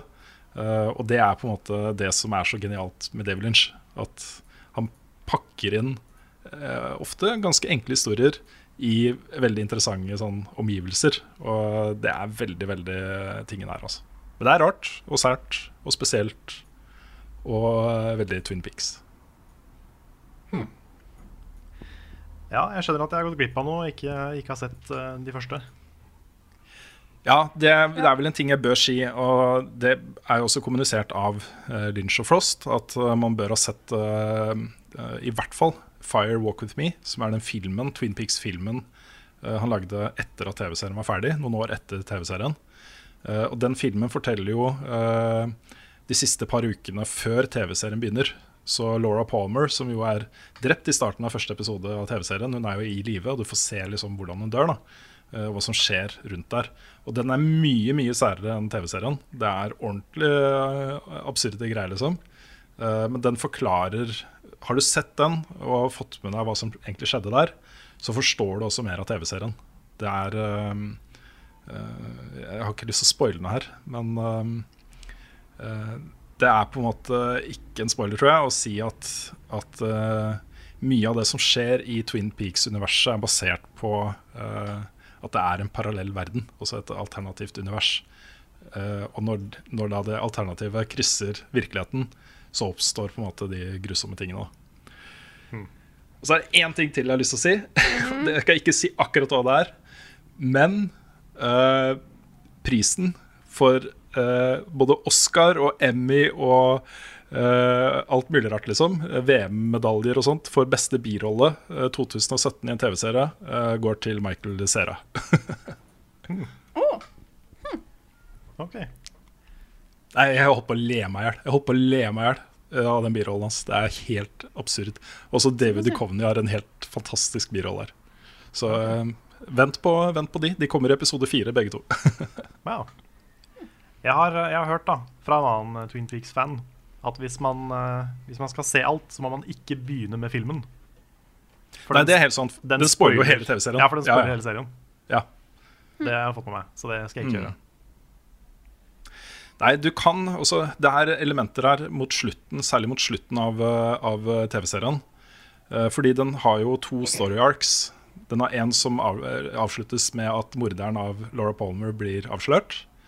Uh, og så har det en som bare fortsetter, og den liksom, går litt på tomgang ganske ofte. Men den har noen storyløp som går rett inn i uh, den nye TV-serien. Uh, og det blir bl.a. også brukt en del scener fra den TV-serien i den nye TV-serien som tilbakeblikk. da så, så det er elementer der som er verdt å få med seg eh, der også. Ok. Da tror jeg vi tar neste spørsmål. jeg. Eh, så da er det bare å sette i gang med musikk, eh, Karl. Det er klart, vet du. Skal vi se. Nice. Ukens Sinfor. Hva er deres typiske hyttekonsoll? Tar dere med konsoll på hytta for familie- og vennekos, eller blir konsollen værende hjemme? Fram til nå så hadde jeg jo sagt mobilen, men uh, Switch. Nå Switch, selvfølgelig. Ja, Framover nå så blir det vel Switch. Ja. Det er blitt reisekonsollen. Jeg har jo en fast konsoll som står på hytta. Da er min trofaste Sega Megadrive. Så den har blitt hyttekonsollen for min del. da. Nice. Eh, men eh, det har vært somre der vi har vært, hvis vi har vært lenge på hytta og sånne ting, at jeg har tatt med meg både GameCube og Wii. For å ha noe å gjøre på. Det er ikke alltid det er fint vær på, sommer, eh, på sommeren på Vestlandet. Så da er det greit å ha noe å gjøre på. Vi har jo, eller eh, kona, da, eh, eller vil si foreldrene til kona, svigerforeldrene mine, de har et hus i Stavanger som er barndomshjemmet til svigerfaren min. Så vi er jo der nesten hver sommer. Og der fikk jeg lov til å installere en, en monitor med HDMI-inngang. Så det gjør, hvis, hvis vi skal være der borte lenge, så får jeg lov til å ta med meg en PlayStation dit. da For da er vi jo der kanskje i et par uker, liksom. Og jeg vet nå i sommer så skal vi ut på en sånn halvannen til ja, to og en halv ukers, tror jeg, biltur. um, midt i juli. Og uansett om jeg får lov eller ikke, så skal PlayStation 4 og en monitor være med på den turen, fordi jeg mistenker at det er akkurat inn i den perioden som betaen til Destiny 2 blir sluppet. Og da betaen til Destiny 1 kom, så var jeg på uh, sommerferie i Stavanger. Uten PlayStation, uten mulighet til å spille. og Fikk ikke spilt betaen. Jeg fikk ikke det emblemet. Nei, det betyr faktisk at jeg har et, et emblem som ikke du har. Ja, Det er helt riktig. Ja. Så eh, jeg satt og hørte, og så fulgte jeg på Twitter-feeden til alle og Facebook og sånt. Bare, så bare drev og spilte Destiny-betaen, og jeg hadde jo ikke kjangs, jeg hadde ikke mulighet til å spille. Så det det var- skal ikke skje igjen. Det var en rar helg, det der. Altså, fordi øh, Jeg husker veldig godt når vi spilte det. Fordi jeg spilte det litt sammen med Lars. Og jeg så på at han streama mens jeg også spilte, og så plutselig så bare løper Jon Cato forbi oss. og bare sånn her Shit, det er flex. Er det Jon Cato? Og så bare ser vi at Jon Cato spiller Destiny. Fy fader, det er Jon Cato. Og bare den der følelsen av bare tilfeldig møte på Jon Cato i Destiny, Mm. det var veldig morsomt. Ja, det er gøy. Nei, Så den blir nok med i år. En, eh, en monitor og en PlayStation 4. Ja, det høres bra ut. Det er såpass lenge siden jeg har vært på hytte. Det er liksom bare den hytta som, øh, som vi var på den, den gangen. Ja. Um, I 2015. Og da var det jo ikke gaming i det hele tatt. Så. Nei, da var det ikke så mye gaming. Så eh, jeg vet ikke. Jeg har veldig veldig gode minner fra å ha spilt PlayStation 1. Jeg spilte, jeg begynte jo på Final Fantasy 9, favorittspillet mitt, i hvert fall et av de, eh, på hytta. Fordi jeg ikke hadde lyst til å gå på langrennsski og syntes det var dritkjedelig. Så eh, jeg forbinder liksom hytte med Final Fantasy 9. Da. Veldig. Mm. Jeg forbinder egentlig hytte med bøker. Jeg, da. Også det å være et sted hvor man ikke har tilgang til alle de tingene man vanligvis har. Det å bare ha en god bok har alltid vært min ting, da. mer enn å spille, faktisk. Mm. Uh, men jeg har jo heller ikke noe fast tilgang til noe hytte, så dette er jo bare snakk om sånn ferier fra barndommen og, og sånne ting. Mm. Men det fins jo det en produsent, jeg husker ikke hva det heter i farta, men eh, en produsent som har lagd et opplegg hvor du har en koffert. eh, hvor på den ene veggen på kofferten så har du en skjerm, også en monitor. Eh, og på den andre så har du plass til å plassere en PlayStation eller en Xbox One. med liksom sånn skumgummi rundt, da, og kabelganger og sånne ting. Var, det, var det snakk om at vi kanskje skulle få en sånn i VG en gang? Eller fikk vi Ja, det stemmer det. Det var rett før vi skulle til Etere for et par år, par år siden. Stemmer. Eh, så ble vi kontakta av, eh, av norske distributøren av denne kofferten med spørsmål ikke vi ville få en. Og det hadde jeg veldig lyst på, for da hadde jeg lyst til å ta med meg PlayStation til USA. Men eh, det ble ikke noe av. Hvis, eh, hvis han fortsatt følger oss, så er det bare å sende noen sånne. Altså. Det er bare, Ja. bare hyggelig, det. Ja, jeg trenger, jeg trenger den helst før vi drar på bilferie til Danmark og Stavanger uh, i sommer. Sånn at uh, ja. Ja. For reasons. For research. Jeg tror vi går videre til neste spørsmål her. Eh, skal vi se her. Det var det. Helene Wu skriver Frida, nå har du fått tatt styringen i podkasten en liten periode. Hvordan føler du at det går? Jeg regner med at Carl og Rune er snille med deg. Men har du fått noen tilbakemeldinger som du har tatt til deg, eller ros og sånne ting? Stå på, keep fighting. Eh, jeg syns det går litt bedre. Og folk er generelt veldig hyggelige. Jeg har ikke egentlig fått noe konstruktiv, sånn eh, jeg håper å si negativ eh, ting. Det er mest folk syns det, det går bra. Da syns jeg òg. Jeg fikk litt tilbakemeldinger på hvordan jeg kunne avslutte podkasten etter den der katastrofale forsøket jeg hadde i podkast nummer to. Eh, men eh, jeg syns det går bra. Jeg føler meg litt mer eh, ikke så stressa, på en måte. Nei, du har jo du har vært med i podkasten mye før også. eh, så det er på en måte Det er ikke så stor overgang fra det å være gjest til det å være programleder. Egentlig, for vi sitter jo bare og prater om spill i utgangspunktet. Ja, ja, det er bare jeg som setter det i gang, liksom. Det er ikke noe mer enn det. Eh, men jeg syns du gjør det med en god og stødig hånd, og uh, veldig fornøyd. Ja, men det er bra. Jeg syns du er veldig flink, og så er jeg veldig glad for at jeg slipper å gjøre det. ja. Ja, det er sant. Jeg har, eh, jeg har skrevet manus på intro og outro for de som lurer på det. Bare sånn at jeg har noe å støtte meg på etter den der bilkrasjet av en avslutning. Ja, det er en klassisk episode av Level Backup. Det er, eh, det er historie. Det Ja, går det var- inn i historien som en av de beste. Ja, det var sur men både start og slutt. Det var nydelig.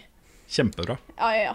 Uh, nei, men jeg tror jeg hopper videre til uh, neste spørsmål her, som er et spørsmål litt til Carl. Ja. Da er Preben Heggeland på Patreon som spør Hei, muligheter for en spoilercast om Near Automata med Nick og Carl og eventuelt andre som har spilt da. Nærmere, eh, nærmer seg ferdig Nærmer meg ferdig og lurer derfor om det er eh, hvordan, Lurer derfor, herregud, på hvordan dere opplevde denne unike begivenheten av et spill uten å måtte tenke over spoilere. ja. Eh, noe må vi gjøre med Nier Automata, helt sikkert. Jeg har fortsatt bare spilt eh, to campaigns. Så jeg er eh, i ferd med å begynne på den tredje, som er veldig mystisk. Så jeg er veldig spent på den. Eh, Jeg vet at Nick er veldig klar for å lage noe på det. Så jeg, jeg blir nok det, jeg òg, når jeg er ferdig. Så jeg regner med at det blir noe. Enten det blir bare Nick, meg, Nick og meg, eller om det blir eh, flere av oss. Er, vi har også snakka uh, mye om spoilercast i utgangspunktet. Og det er jo fullt mulig for oss å lage liksom en parallell podkastserie. Bare legge den ut på samme sted som de andre. At det publiseres i samme løpet, liksom. Uh, men at det er rene spoilerepisoder om forskjellige spill. Så, så snart vi har liksom litt mer stabile opptaksmuligheter og eh, kanskje kontorplass og er litt mer samla og sånne ting, så syns jeg vi bør begynne å gjøre det. Mm. Uh, og det, det er jo også en mulighet for at vi kan gjøre noe av det mens vi samles allerede på, på etere. Uh, kanskje et eller annet for uh, publisering til sommeren eller, eh, eller noe sånt. da Ja. Sant, sant. Så er det også det med at eh, vi, vi er avhengig av å ha spilt samme spill. Da. Og det er ofte vi ikke kan ta oss tid til hvis vi anmelder mye forskjellig. Så det er det, det, er det å få ta tak i et spill som flere av oss spiller Mm. gjennom. Nå har vi jo en sånn spoilercast gående med, med Night in the Woods eh, gjennom Film i tull. ikke sant? Eh, vi har full mulighet til å gjøre det med Selda, uh, f.eks. Er etter hvert så Near Automata, eh, kanskje Horizon. Men det, det er en god idé, Rune, at, at vi tar en eh, Zelda spoilercast i sommer. Ja, det kunne vi gjort. Det kan vi gjøre. Det kan vi gjøre. Ja, eh, når vi var inne på Fyll mitt hull, så har vi fått et spørsmål her fra Jostein Krogerud, som spør Har dere vurdert å velge spill i Fyll mitt hull som ingen av dere har spilt? Har tenkt på det. Det, er, det som er utfordringen med det, er at det er vanskelig å bestemme stedet man skal stoppe. Det er sant. Siden ikke vi, siden ikke vi vet hva som kommer. Ja, det er sant. Det er i så fall hvis, hvis spillet har veldig tydelige kapitler, eller noe sånt. Mm. Men uh, det, det hadde vært kult at vi er blinde begge to. Det kommer sikkert etter hvert. Er det noen spill der dere føler kunne lett blitt aktuelle? Det kunne jo vært, hvis jeg ikke hadde begynt på Nier Automata, så kunne det jo vært det med Nick som host, f.eks. Mm. Så Det sånne sant. ting er jo, er jo mulig. At vi får inn en ekstern uh, fyr eller person Mm. som eh, bestemmer hvor vi, hva vi skal spille. Ja, det er en god idé. Det går an. Det er sant. Vi får eh, lage, ha logoen klar, fyll vårt hull. Ja, fyll Så- vårt hull. Så, har vi den, eh, ja, så er, vi, er det bare good to go. Ja, det er sant. Indeed. Eh, skal vi se her. Vi har fått et spørsmål som jeg kan ta litt kjapt, bare sånn på gøy. Eh, og Det er fra Erlend Rød Hestvik, som spør hva betyr KVFE? Jeg, jeg, den, er allerede, den er allerede ikke morsom. Det her er liksom to dager siden, Ja. og den er allerede ikke morsom. Nei, den, var, den Den er så utbrukt. Den, den gikk ut på dato veldig fort. Det var veldig Ja, morsomt veldig den fort. ene morgenen jeg våkna og så Twitter bare var komfefe Ja, ja, ja. ja det, det var litt gøy, fordi jeg logga meg på Twitter, og så, eh, så så jeg noe et eller annet om KFF. Det var eh, noen som hadde teksta en, eh, en video, en gif, uh, med, avslutta med KFF. Så jeg tenkte, hva i all verden er det? Så på meldinga under eller noe sånt, så står det jo at det var den meldinga til Trump. da Så da retweeta jeg den. Og så ble jeg litt lenger ned på feeden, og så er det jo alle Alle innleggene er jo KFF. Så det var liksom alt.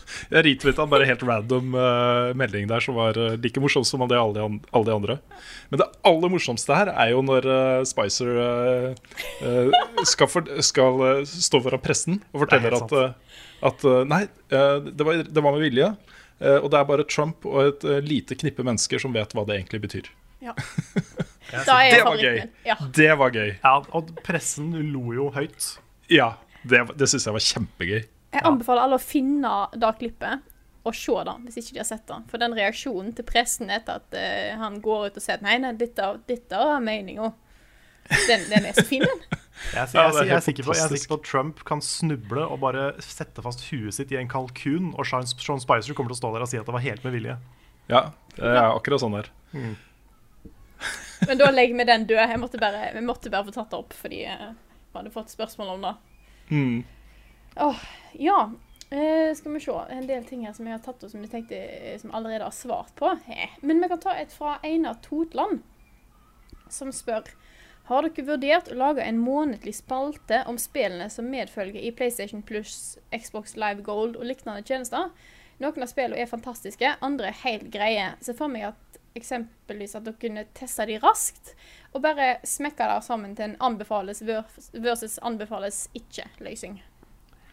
Det er en Det god er idé. ganske mange, ja, det er ganske mange som spør oss om det, så jeg lurer på om det er en god idé. altså. Det er det. Og så er er jo jo- det er gratis, så det er veldig Mm. lett for folk å bare hoppe inn i det. Ja, det er forholdsvis eh, lett å lage den videoen også. Vi har jo spilt eh, I hvert fall én av oss eh, har spilt de fleste av disse spillene som kommer. Mm. Eller i hvert fall vært borti de. Ja, det er forresten det er feil å si gratis, for vi må jo abonnere. Men, Ja, det må det. men spill, selve spillet er jo gratis hvis du abonnerer. Mm. Så det er jo Life is Strange, sa jeg nå, på PlayStation denne uka her. Denne Det er det. Det er jo et Mm. veldig bra alternativ. Absolutt. Husker ikke farta hva det andre var, men det også var vel bra. Ja, jeg husker ikke, jeg heller. det, det hadde vært greit å ha en egen eh, Hadde bare noen hatt en spalte hvor du kunne fortalt hva som var de gratisspillene, sånn at vi visste hvilke spill det var. Ikke sant? Mhm. Kanskje, vi, kanskje vi skal fylle det hullet også. Kanskje det. Ja. Ikke mulig. Nei, Men men det er er et godt innspill. Helt sant. Uh, skal vi se Vi har fått uh, Hvor var det spørsmålet? Der. Uh, Knut Gunderud spør Etter at minstemann i heimen kjørte en Will It Float-session på en PlayStation Vita, eh, så måtte jeg til anskaffelse av en ny. Den sank hvis noen var i tvil. Uansett, det er rimelig ribbet for Vitaer i butikkene. Hva skjer med Vita? Har Sony sluttet å produsere dem? Har de planer om en ny versjon i kjølvannet av Switch, kanskje? Det er vanskelig å svare helt konkret på hvor viktig Vita er for eh, PlayStation, Fordi det, det vet jeg ikke. Men uh, tilsynelatende så, så um, er det ikke den største satsinga deres, i hvert fall. Det, det, Nei, det, den, er, den er vel ganske død i alle steder i verden som ikke er Japan. helt, det er helt riktig. Den er ganske død alle andre steder enn Japan. mm. I Japan så har den jo noen eksklusive spill som har gjort det veldig bra i Japan. Eh, og Derfor så selger den bedre og er liksom en mer etablert plattform der. Da. Mens her er det Det er mye entusiaster også som har omfavna den. Og For eksempel så er det jo fantastisk mange gode indiespill på den. Veldig mange av de beste indiespillene fra PC for eksempel, har jo også kommet på Vita. Det er jo i det hele tatt en skikkelig kvalitetskonsoll. Sånn, Mm. Da jeg fikk Vitaen min, så husker jeg at jeg, liksom, jeg ble ordentlig imponert over konsollen. Sånn kvalitetsmessig og grafikk og alt mulig, egentlig. Den, den, er, Mm. kjempe, den er kjempebra. Det er bare mangel på spill. Ja, mangel på spill, og så ble det liksom en, en uh, um, Når man skal ut og reise, da, uh, sånn som med meg f.eks., så, så uh, hvis jeg skulle velge å ta med meg en spillmaskin, så ville jeg liksom hatt noe håndhold, så ville det vært mobiltelefon, ikke sant? Ja, Som er allerede har med meg likevel. Ja, Ja. for andre så var det det. Um, så den ble en sånn andre eller tredje uh, valg for veldig mange, og da ble den liksom liggende og støve ned for de fleste. Eller, det er også, må jeg ta, gå litt tilbake, jeg vet ikke om det er for de fleste, men, uh, men uh, det føles sånn da, at veldig mange som også kjøpte den, eh, endte opp med ikke å bruke den så mye. I hvert fall ikke kjøpte spill til den, og da er det jo ikke en levende plattform. Nei. Så, Nei. men det andre delen av spørsmålet er jo litt interessant, fordi jeg tror jo at eh, Sony ikke har gitt opp ideen om noe håndholdt. eh, men jeg tror neste skrittet der er på en måte eh, en bærbar PlayStation 4, liksom. Eller en PlayStation 5, eller hva det blir. Kanskje PlayStation 5 går samme veien som Switch gjorde, at det blir en tablet som du kan sette i en dockingstasjon eh, eller ta med deg. Det kan godt tenkes, og de har jo begynt å ta patenter og vise liksom at de tenker i de banene også, så Mm. Ja, jeg hadde blitt overraska hvis de lanserte liksom en tredje eh, portabel konsoll. I og med at både PSP og Vita har gjort det ganske dårlig. mm. Men jeg tror eh, så det hadde vært en uh, dritbra ting hvis de lanserte en, en håndholdt PlayStation 4. Det kan de. Det kan de gjøre. De kan gjøre det hvis de vil. De kan bare si at, eh, at uh, maksoppløsninga er 720P, f.eks. Uh, så kan det gjøre eh, nå, nå snakker jeg om ting jeg ikke vet kan nok om egentlig, da. Men jeg tror, jeg tror det er mulig å få nok datakraft i en tablet eller en, en håndholdt maskin til å kunne kjøre PlayStation 4-spill i 720P, 30 bilder i sekundet. Jeg tror det er teknisk mulig. Det er nok, det er nok teknisk mulig. Det er fare for at det kanskje er dyrt. Jeg vet ikke. Ja, det er da. Jeg hadde betalt uh, 4000-5000 for en sånn maskin. Ja. Det hadde ikke jeg. Jeg, jeg hadde nok ikke gjort det sjøl. Det, um, det måtte ha vært noe mer enn bare en portabel eh, PS4 når jeg allerede har PS4. Ja, kanskje. Jeg vet ikke. Eh, vi har jo skal vi se om vi har fått et spørsmål som har litt med E3 å gjøre. Vi kan ta det opp eh, nå. Eh, det er Eivind Gjertsen som spør Tror dere det blir noe VR på E3 i år. Det er jeg veldig spent på. Fordi den VR-ballongen er jo veldig mye slappere nå enn den var i fjor. Ja, den er jo Det var jo veldig hype på VR eh, i fjor. Det var jo Det var vel rett før PlayStation VR ble lansert, tror jeg. Det kan stemme. Og det var ikke så lenge siden Oculus og um, HTC Vive var blitt lansert. Tror dere nå at det faktisk kan bli vist noen store spill på E3 som er i VR, eller er den gått litt av toget? Ja, det korte svaret på det, bare for å følge opp resten av spørsmålet hans sånn, Det er ikke lov for Rune å si det korte svaret på det, ja eller nei, liksom. Ja. Um, nei, men det, det er et, interessant, uh, et av de mest interessante spørsmålene våre. Hva, hvilken, hvor stor plass får VR hos de forskjellige uh, konsoll- og plattformeierne? Det er uh, helt umulig å spå. Det har jo ikke tatt av på den måten som mange, mange kanskje hadde trodd eller håpa det skulle gjøre. Uh, men uh, jeg føler jo at fortsatt VR vaker i liksom eh, overflaten til å kunne bli noe stort.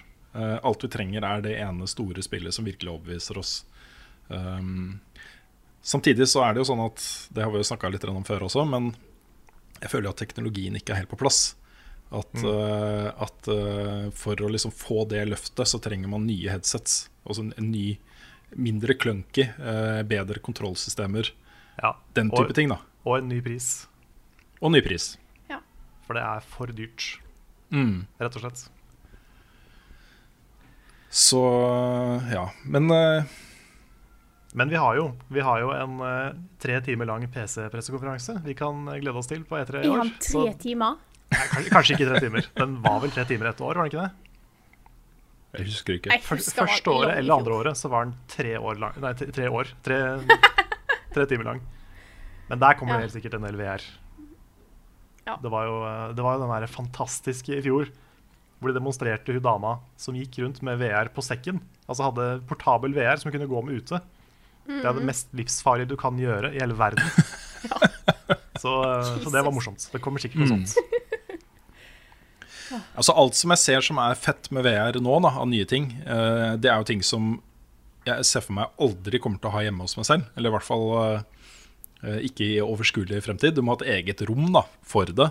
Det er jo sånne tredemøllelignende saker. ikke sant? Hvor eh, det er ikke tredemølle engang. Du bare har på deg spesiell type sko eh, med høy friksjon på underfla, underfla, altså underlaget. Eh, og så kan du løpe og gå og hoppe og krype og alt mulig rart på denne rulle, runde lille saken. da Eh, som jo det er løser også- det ene store problemet med, med navigasjon i VR-spill. ikke sant? Ja, for det også er et viktig steg, kjenner jeg. Mm. For det å, det å bruke en vanlig kontroll i VR, det ødelegger ganske mye av den opplevelsen. Mm. Det er så kult, den der lille du får i The Lab med Vive, hvor du kan bevege Ja. deg rundt i et 3D-space. Ja. Det er kjempekult, men det er så begrensa fordi du har så lite plass.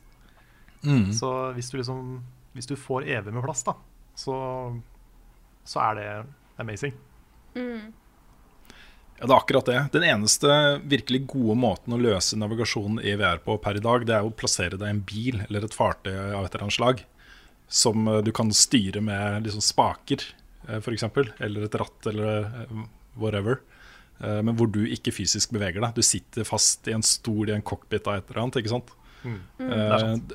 Da, da er det naturlig. Også da føles det naturlig. Men hvis du liksom ikke beveger beina dine når du går, så føles det utrolig rart altså, hvis du er i en VR-verden. Det gjør det. Det- Det er sant. Det tar det helt ut av den her eh, Den deltakelsesfølelsen. Hva er det der ordet på engelsk de er så glad i? Immersion. Immersion. Immersion. Det var det. Jeg, jeg er jo en som aldri blir bilsjuk eller kvalm av sånne ting. Eh, Jeg har sånn super, super eh, resistance mot sånne ting. Men jeg spilte et spill som heter Windlands, uh, hvor du ikke bare kan gå, men du kan løpe. Og du kan hoppe høyt. Og jeg ble, ikke, jeg ble fortsatt ikke kvalm, men jeg ble så sliten av å bare være i det spillet. Og det var, liksom, det var kult, men det var utrolig slitsomt. Men det tror jeg på. Så det, det var jo beregna på å bruke kontroller og liksom du skulle være Spiderman, basically. Og bare grapple deg rundt. Og det var kult, men den der bevegelsen, med løping spesielt, det var vanskelig å, å få dreisen på. Det var for, eh, for intenst. Jeg har jo hørt da, at du etter hvert bygger opp en slags uh, resistance til sånne ting. At det blir lettere hvis du spiller mye. Så kanskje. Kanskje. Skal vi hoppe videre til neste spørsmål her? Uh, vi snakka jo sist gang om eh, dilemma som vi får til podkasten. Og så snakker vi om at de var litt for snille. Ja. Skal du ta den? Jeg veit ikke. Jeg vil bare, jeg vil bare konstatere at vi har fått noe som er litt verre. Og jeg har liksom lyst til å si det bare sånn at dette, dette kan, Vi kan ikke snakke om dette her så mye på podkasten, tror jeg. Jeg vet ikke. Jeg føler at jeg trenger i hvert fall to-tre sånne esker med Lekkerol for å kunne snakke om eh, det. Ja, for å, Ja. For, å, for å ta den praten. Ja. Eh, fordi at vi kan eh, Bare for å lage en sånn Gi beskjed om hva som kan være vanskelig for oss å snakke om av dilemmas, er jo den vi har fått fra Kim André Gjerde. Som spør blir påtvunget en prostataundersøkelse utført av et annet medlem av Level Up-familien, eller blir tvunget til å utføre en prostataundersøkelse på et annet medlem av Level Up-familien? Nei. Nei, svaret Nei. er Det nei. kort, korte svaret på det er vel nei. Ja. Det er, det er pass. ja. Men jeg har blitt så gammel at, uh, at jeg må gjøre det innimellom. For å være bare helt uh, oppriktig og Ja, Ja. kleint, kleint ærlig her. Vi bare tar den praten, vi nå. Ja, vi kan litt rann. Ja, nei, Det, det, det, det, er, det, er, det er uten tvil uh, det særeste jeg har vært med på uh, hos en lege noen gang. Det var Det tror jeg på. I believe you. Jeg, nei, vet du hva, jeg har opplevd noe rart hos en lege. Det var, eh, det det var en lege som skulle sjekke et eller annet. Det var noe sånn, jeg tror skulle sjekke om jeg hadde noe cøliaki eller noe sånt. Jeg hadde ikke det. Men uh, det var liksom drev og klemte litt på, på liksom rundt ved livet og sånn. Og så plutselig så bare Sånn veldig kjapt så var det ned i buksa. Bare sånn, okay. slipp, sånn kjempefort. Og så bare Oi, dette her kunne du advart meg om. Men uh, det var en sånn liten sånn derre Ja, jeg måtte bare nedpå der en tur. Det var ditt Blue River-øyeblikk. Det var, det var i hvert fall veldig Det var sånn der, Var det en del av Eller var det Eller gjorde du det for moro skyld? Nei, jeg tror det var en del av liksom greia. Men jeg kunne fått en advarsel, kanskje. Ja, takk for advarselen, liksom. Ja, Ikke bare sånn speedrun.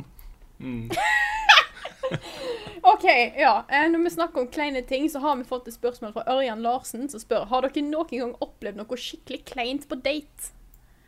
Oi. du må først er i den der kleinhetsbåten Ja. her. Nå fikk jeg, fikk jeg litt vondt inni meg, kjenner jeg. Ja, jeg, jeg kunne sagt mye. Det var en, en, gang, en gang jeg var på date hvor det viste seg at det ikke var en date. Fordi uh, hun begynte å snakke om den kvinnelige kjæresten hennes. Um, og det var, Eh. det var ikke bare for å bli kvitt meg, fordi jeg ble kjent med henne etterpå. Hun hadde faktisk en kvinnelig kjæreste. Så uh, det, det skjedde. Og så tror jeg kanskje jeg har fortalt om den der når jeg sto og venta på do. Jeg Har kanskje nevnt i en annen podkast? Jeg tror Eller jeg har hørt den historien før, Ja. men jeg er ikke sikker.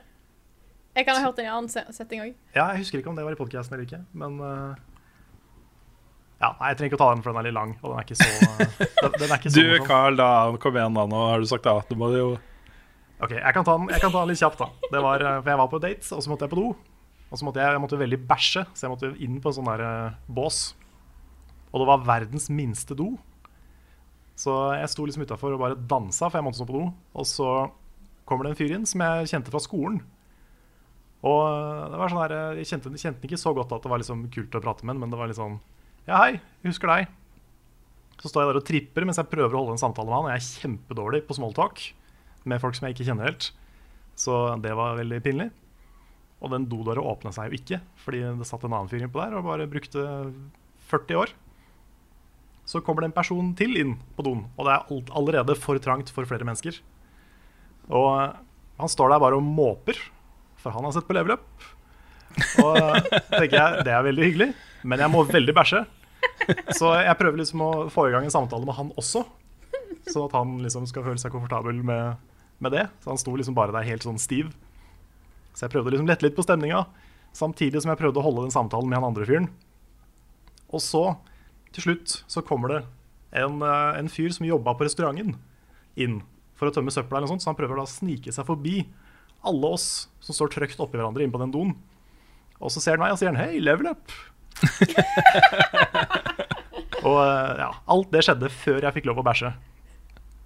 Så det er vel kanskje liksom den eh, mest stressende date-historien jeg har. Ja, høres, eh, høres veldig bra ut. Jeg har ikke lyst til å trekke fra noen spesielle historier, men jeg har lyst til å nevne at jeg, jeg er en av verdens dårligste datere. Jeg har, gjort så mye rart og dumt på dater og vært uh, ekstremt dårlig til å tolke signaler og eh, gjøre de riktige tingene og sånne ting. Jeg tok mange, mange dater og mange år før, før det bedra seg litt. Men det er så, det er så vanskelig, det. Ah. Det er jo skal jeg, skal jeg ta enda en historie? Den er Ja, for, så vidt mye, mye kleinere, når jeg tenker meg om. Uh, og det var, for så, det var på en måte en date. Men det var, eh, det var hjemme hos meg, da. Det var en jente som vi, ja, vi var egentlig bare venner, og vi hadde sett på TV-serier en sommer. Og så snakker vi liksom veldig masse om veldig personlige ting utover kvelden og natta. Og vi sitter plutselig her klokka tre på natta, og vi sitter fortsatt og prater. Og så kommer det fra henne Nå har vi snakka så mye om sex at nå må vi nesten bare ha sex. Og jeg liksom svarer da ja. Og så bytter jeg tema. Og nå er jeg, nå er jeg redd meg, Karl. Ja, Men det, er, det kunne vært meg, Også. ja, men det, ja, for det er sånn jeg, Det handler jo ikke om at jeg ikke skjønte det nødvendigvis. Jeg bare turte ikke helt å skjønne det. Mm.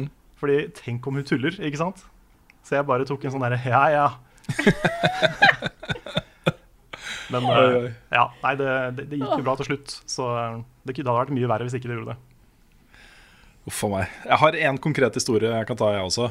Uh, okay. Den er litt, den er litt eh, søtere. Eller den er, ikke, den er ikke noe eksplisitt på noe som helst måte. Men uh, um, det her er sånn tidlig i 20-åra. Så møtte jeg en eh, dame på byen.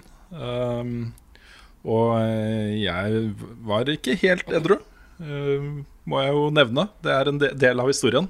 Mhm. Eh, men jeg endte opp med å invitere henne med på, på konsert med det som på akkurat den tida var mitt favorittband, Crowded House. Uh, australsk, veldig bra sånn popband. Uh, de hadde en, eh, det som jo man kan kalle en intimkonsert på Rockefeller. Og der hadde jeg billetter. Um, så jeg inviterte henne på den. Det var helga etter. og jeg eh, våkna opp dagen etter og var sånn Jeg huska ikke helt hvordan hun så ut, eller hvorfor jeg hadde gjort det. eller noen ting Men hun møter jo opp da på det tiden og stedet som jeg har sagt vi skal møtes, liksom, og er med på konsert. Og vi har jo ingenting å snakke om, og det er, det er ikke noe kjemi der i det hele tatt. Og da må jeg sitte Vi hadde til og med sånn orkesterplass, så vi satt ved et bord eh, på VIP-plass liksom, for å se Kladeras. Et av mine favorittband, liksom. Uh, og der satt jeg da, gjennom hele konserten med en person som jeg ikke hadde lyst til å være der med. Og det var så utrolig kjipt. Den følelsen av å liksom OK, her jeg ser jeg favorittbandet mitt, og så med noen som jeg ikke vil skal være her. Og så ble det bare sånn utrolig kjip uh, opplevelse. Uff. Ja. Det er ikke så greit med dating. Nei, det er ikke det. Jeg er så glad for at jeg møtte Katrine også. Kvinnen i mitt liv. Mm. Jeg har vært på veldig lite dates. Fordi at jeg har som regel blitt sammen med gode venner av meg, på en måte. Så vi slapp den der kleine Hei, skal vi ut og spise noe mat, eller et eller annet. Ja, du har, du har ikke vært en del av Tinder-bølgen? Jeg har ikke vært en del av Tinder-bølga. Jeg er så fornøyd med at jeg har han eh, At jeg har han jeg bor med her nå, for da slipper jeg det der. Eh, Ja, og jeg har jeg ingen planer om å skifte han ut. Nei, jeg var superheldig som møtte Kristine på Tinder. Ja. Det, er jo, det har jeg skjønt uh, egentlig både da og etterpå. At det er, uh, da var jeg sjeldent heldig med liksom en treff på Tinder. Mm. Altså, Tinder har jeg eh, aldri brukt. Aldri lagd meg konto. Eh, og håper jeg slipper. Yes. Vi kan gå videre til eh, et spørsmål til her. Det er vel snart på tide å gjøre, for nå begynner det å bli litt eh, langt her. Vi kan eh, ta et til her fra Ole Kristian Rudstaden, som spør Bør dere snart ordne en brukerundersøkelse? Litt kartlegging, kartlegging av seerne deres og litt sånne ting. Vi hadde vel en sånn på VG? Hadde vi ikke det? Jo, vi Vi hadde to stykken. Mm. Uh, de var nyttige, de altså, de vi hadde. Uh, de hadde vært enda mer nyttig å gjøre det nå. Men uh, vi må gå ferdig det løpet vi har med eventuelt TV-program og sponsting først. før vi kan begynne å be om konkrete tilbakemeldinger på hvordan vi gjør ting. Fordi det er noe vi kommer til å gjøre hvis vi får det til. Altså Hvis vi får en avtale med noen, så gjør vi det. Eh, og da blir det eh, vanskelig å forholde seg til da en brukerundersøkelse så- hvis vi hadde gjort det nå, da, som hadde vært basert på at vi ikke har det. ikke sant? Så vi, eh, vi må først bli det firmaet vi har lyst til å bli, og så lage de tingene vi, vi mener at vi bør gjøre. Og så kan vi be om, om konkret feedback på hvordan ting er. Men det hadde vært veldig nyttig for oss. Det er, det er en del ting vi trenger svar på, men vi må bare få på plass en del av de tingene som folk må ha, eh, ha en mening om da, først. Mm. Riktig, Ja. riktig. Ja, skal vi, skal vi la det være Vi kan da. Jeg bare lurer på hvis dere hadde noen spørsmål dere følte var verdt å trekke fram? Ja, jeg har funnet et spørsmål. Ja. Det er selvfølgelig Destiny-relatert. Mhm. Eh, Det er fra Andreas Lervik Bjermeland. Eh, Han lurer på hva våres, da, så hvis det er flere som har lyst til å svare, så er det bare å kjøre på. Hva blir deres eh, første klasse i Destiny 2? Hunter, Titan eller Warlock? Um, det korte svaret på det er Hunter, men det lange svaret Jeg har et langt svar også. Eh, ikke langt, da, men lengre. Eh, og det er at jeg har en mistanke om at de eh, eh, har spart én stor nyhet om Destiny 2, og det er at de introduserer en ny subklasse. En ny klasse i Destiny 2. Eh, de kommer sikkert ikke til å gjøre det, men jeg har en, liksom en, det, det føles som om det hadde vært en kul ting å gjøre. At de introduserer noe som er helt nytt også. Og Hvis det er tilfellet, så blir det den første. Hvis ikke, så blir det Hunter. Ja, det blir nok Warlock for meg. Det er det jeg har kjørt i, i alle år. Jeg har ingen anelse, for jeg har aldri spilt Destiny før. Nei, Så kanskje, du blir, kanskje du blir frelst i toeren. Ja, Det er ikke en Ja. heldig setning. Nei, det har jeg ikke, men det, det går fint.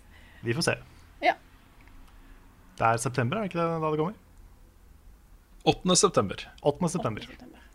Da begynner det. Ja.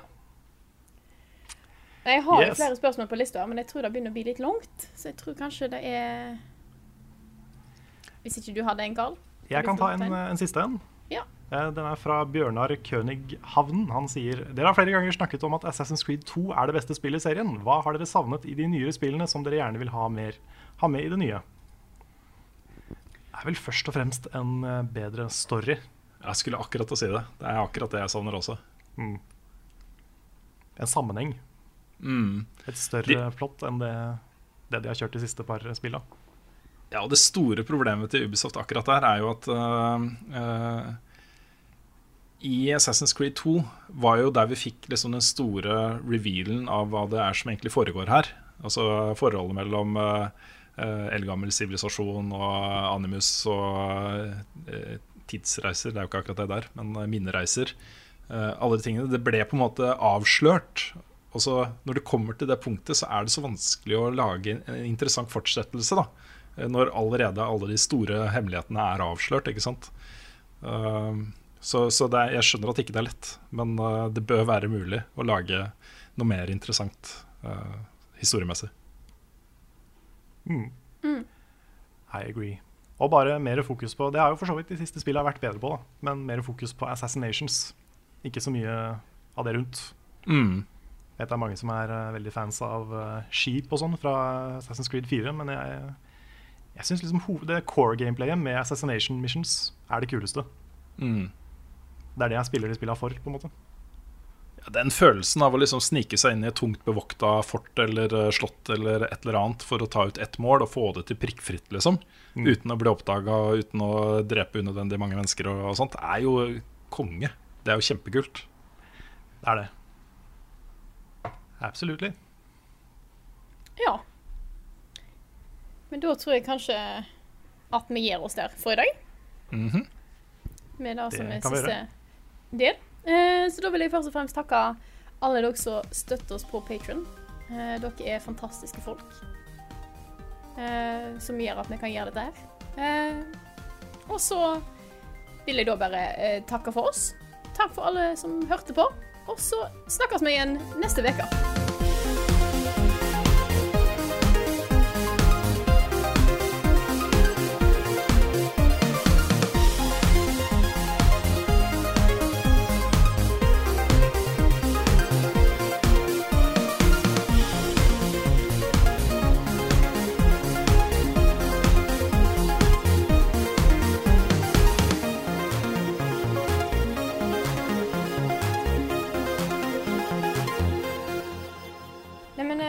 Skal vi, skal vi snakke litt om konkurransen òg?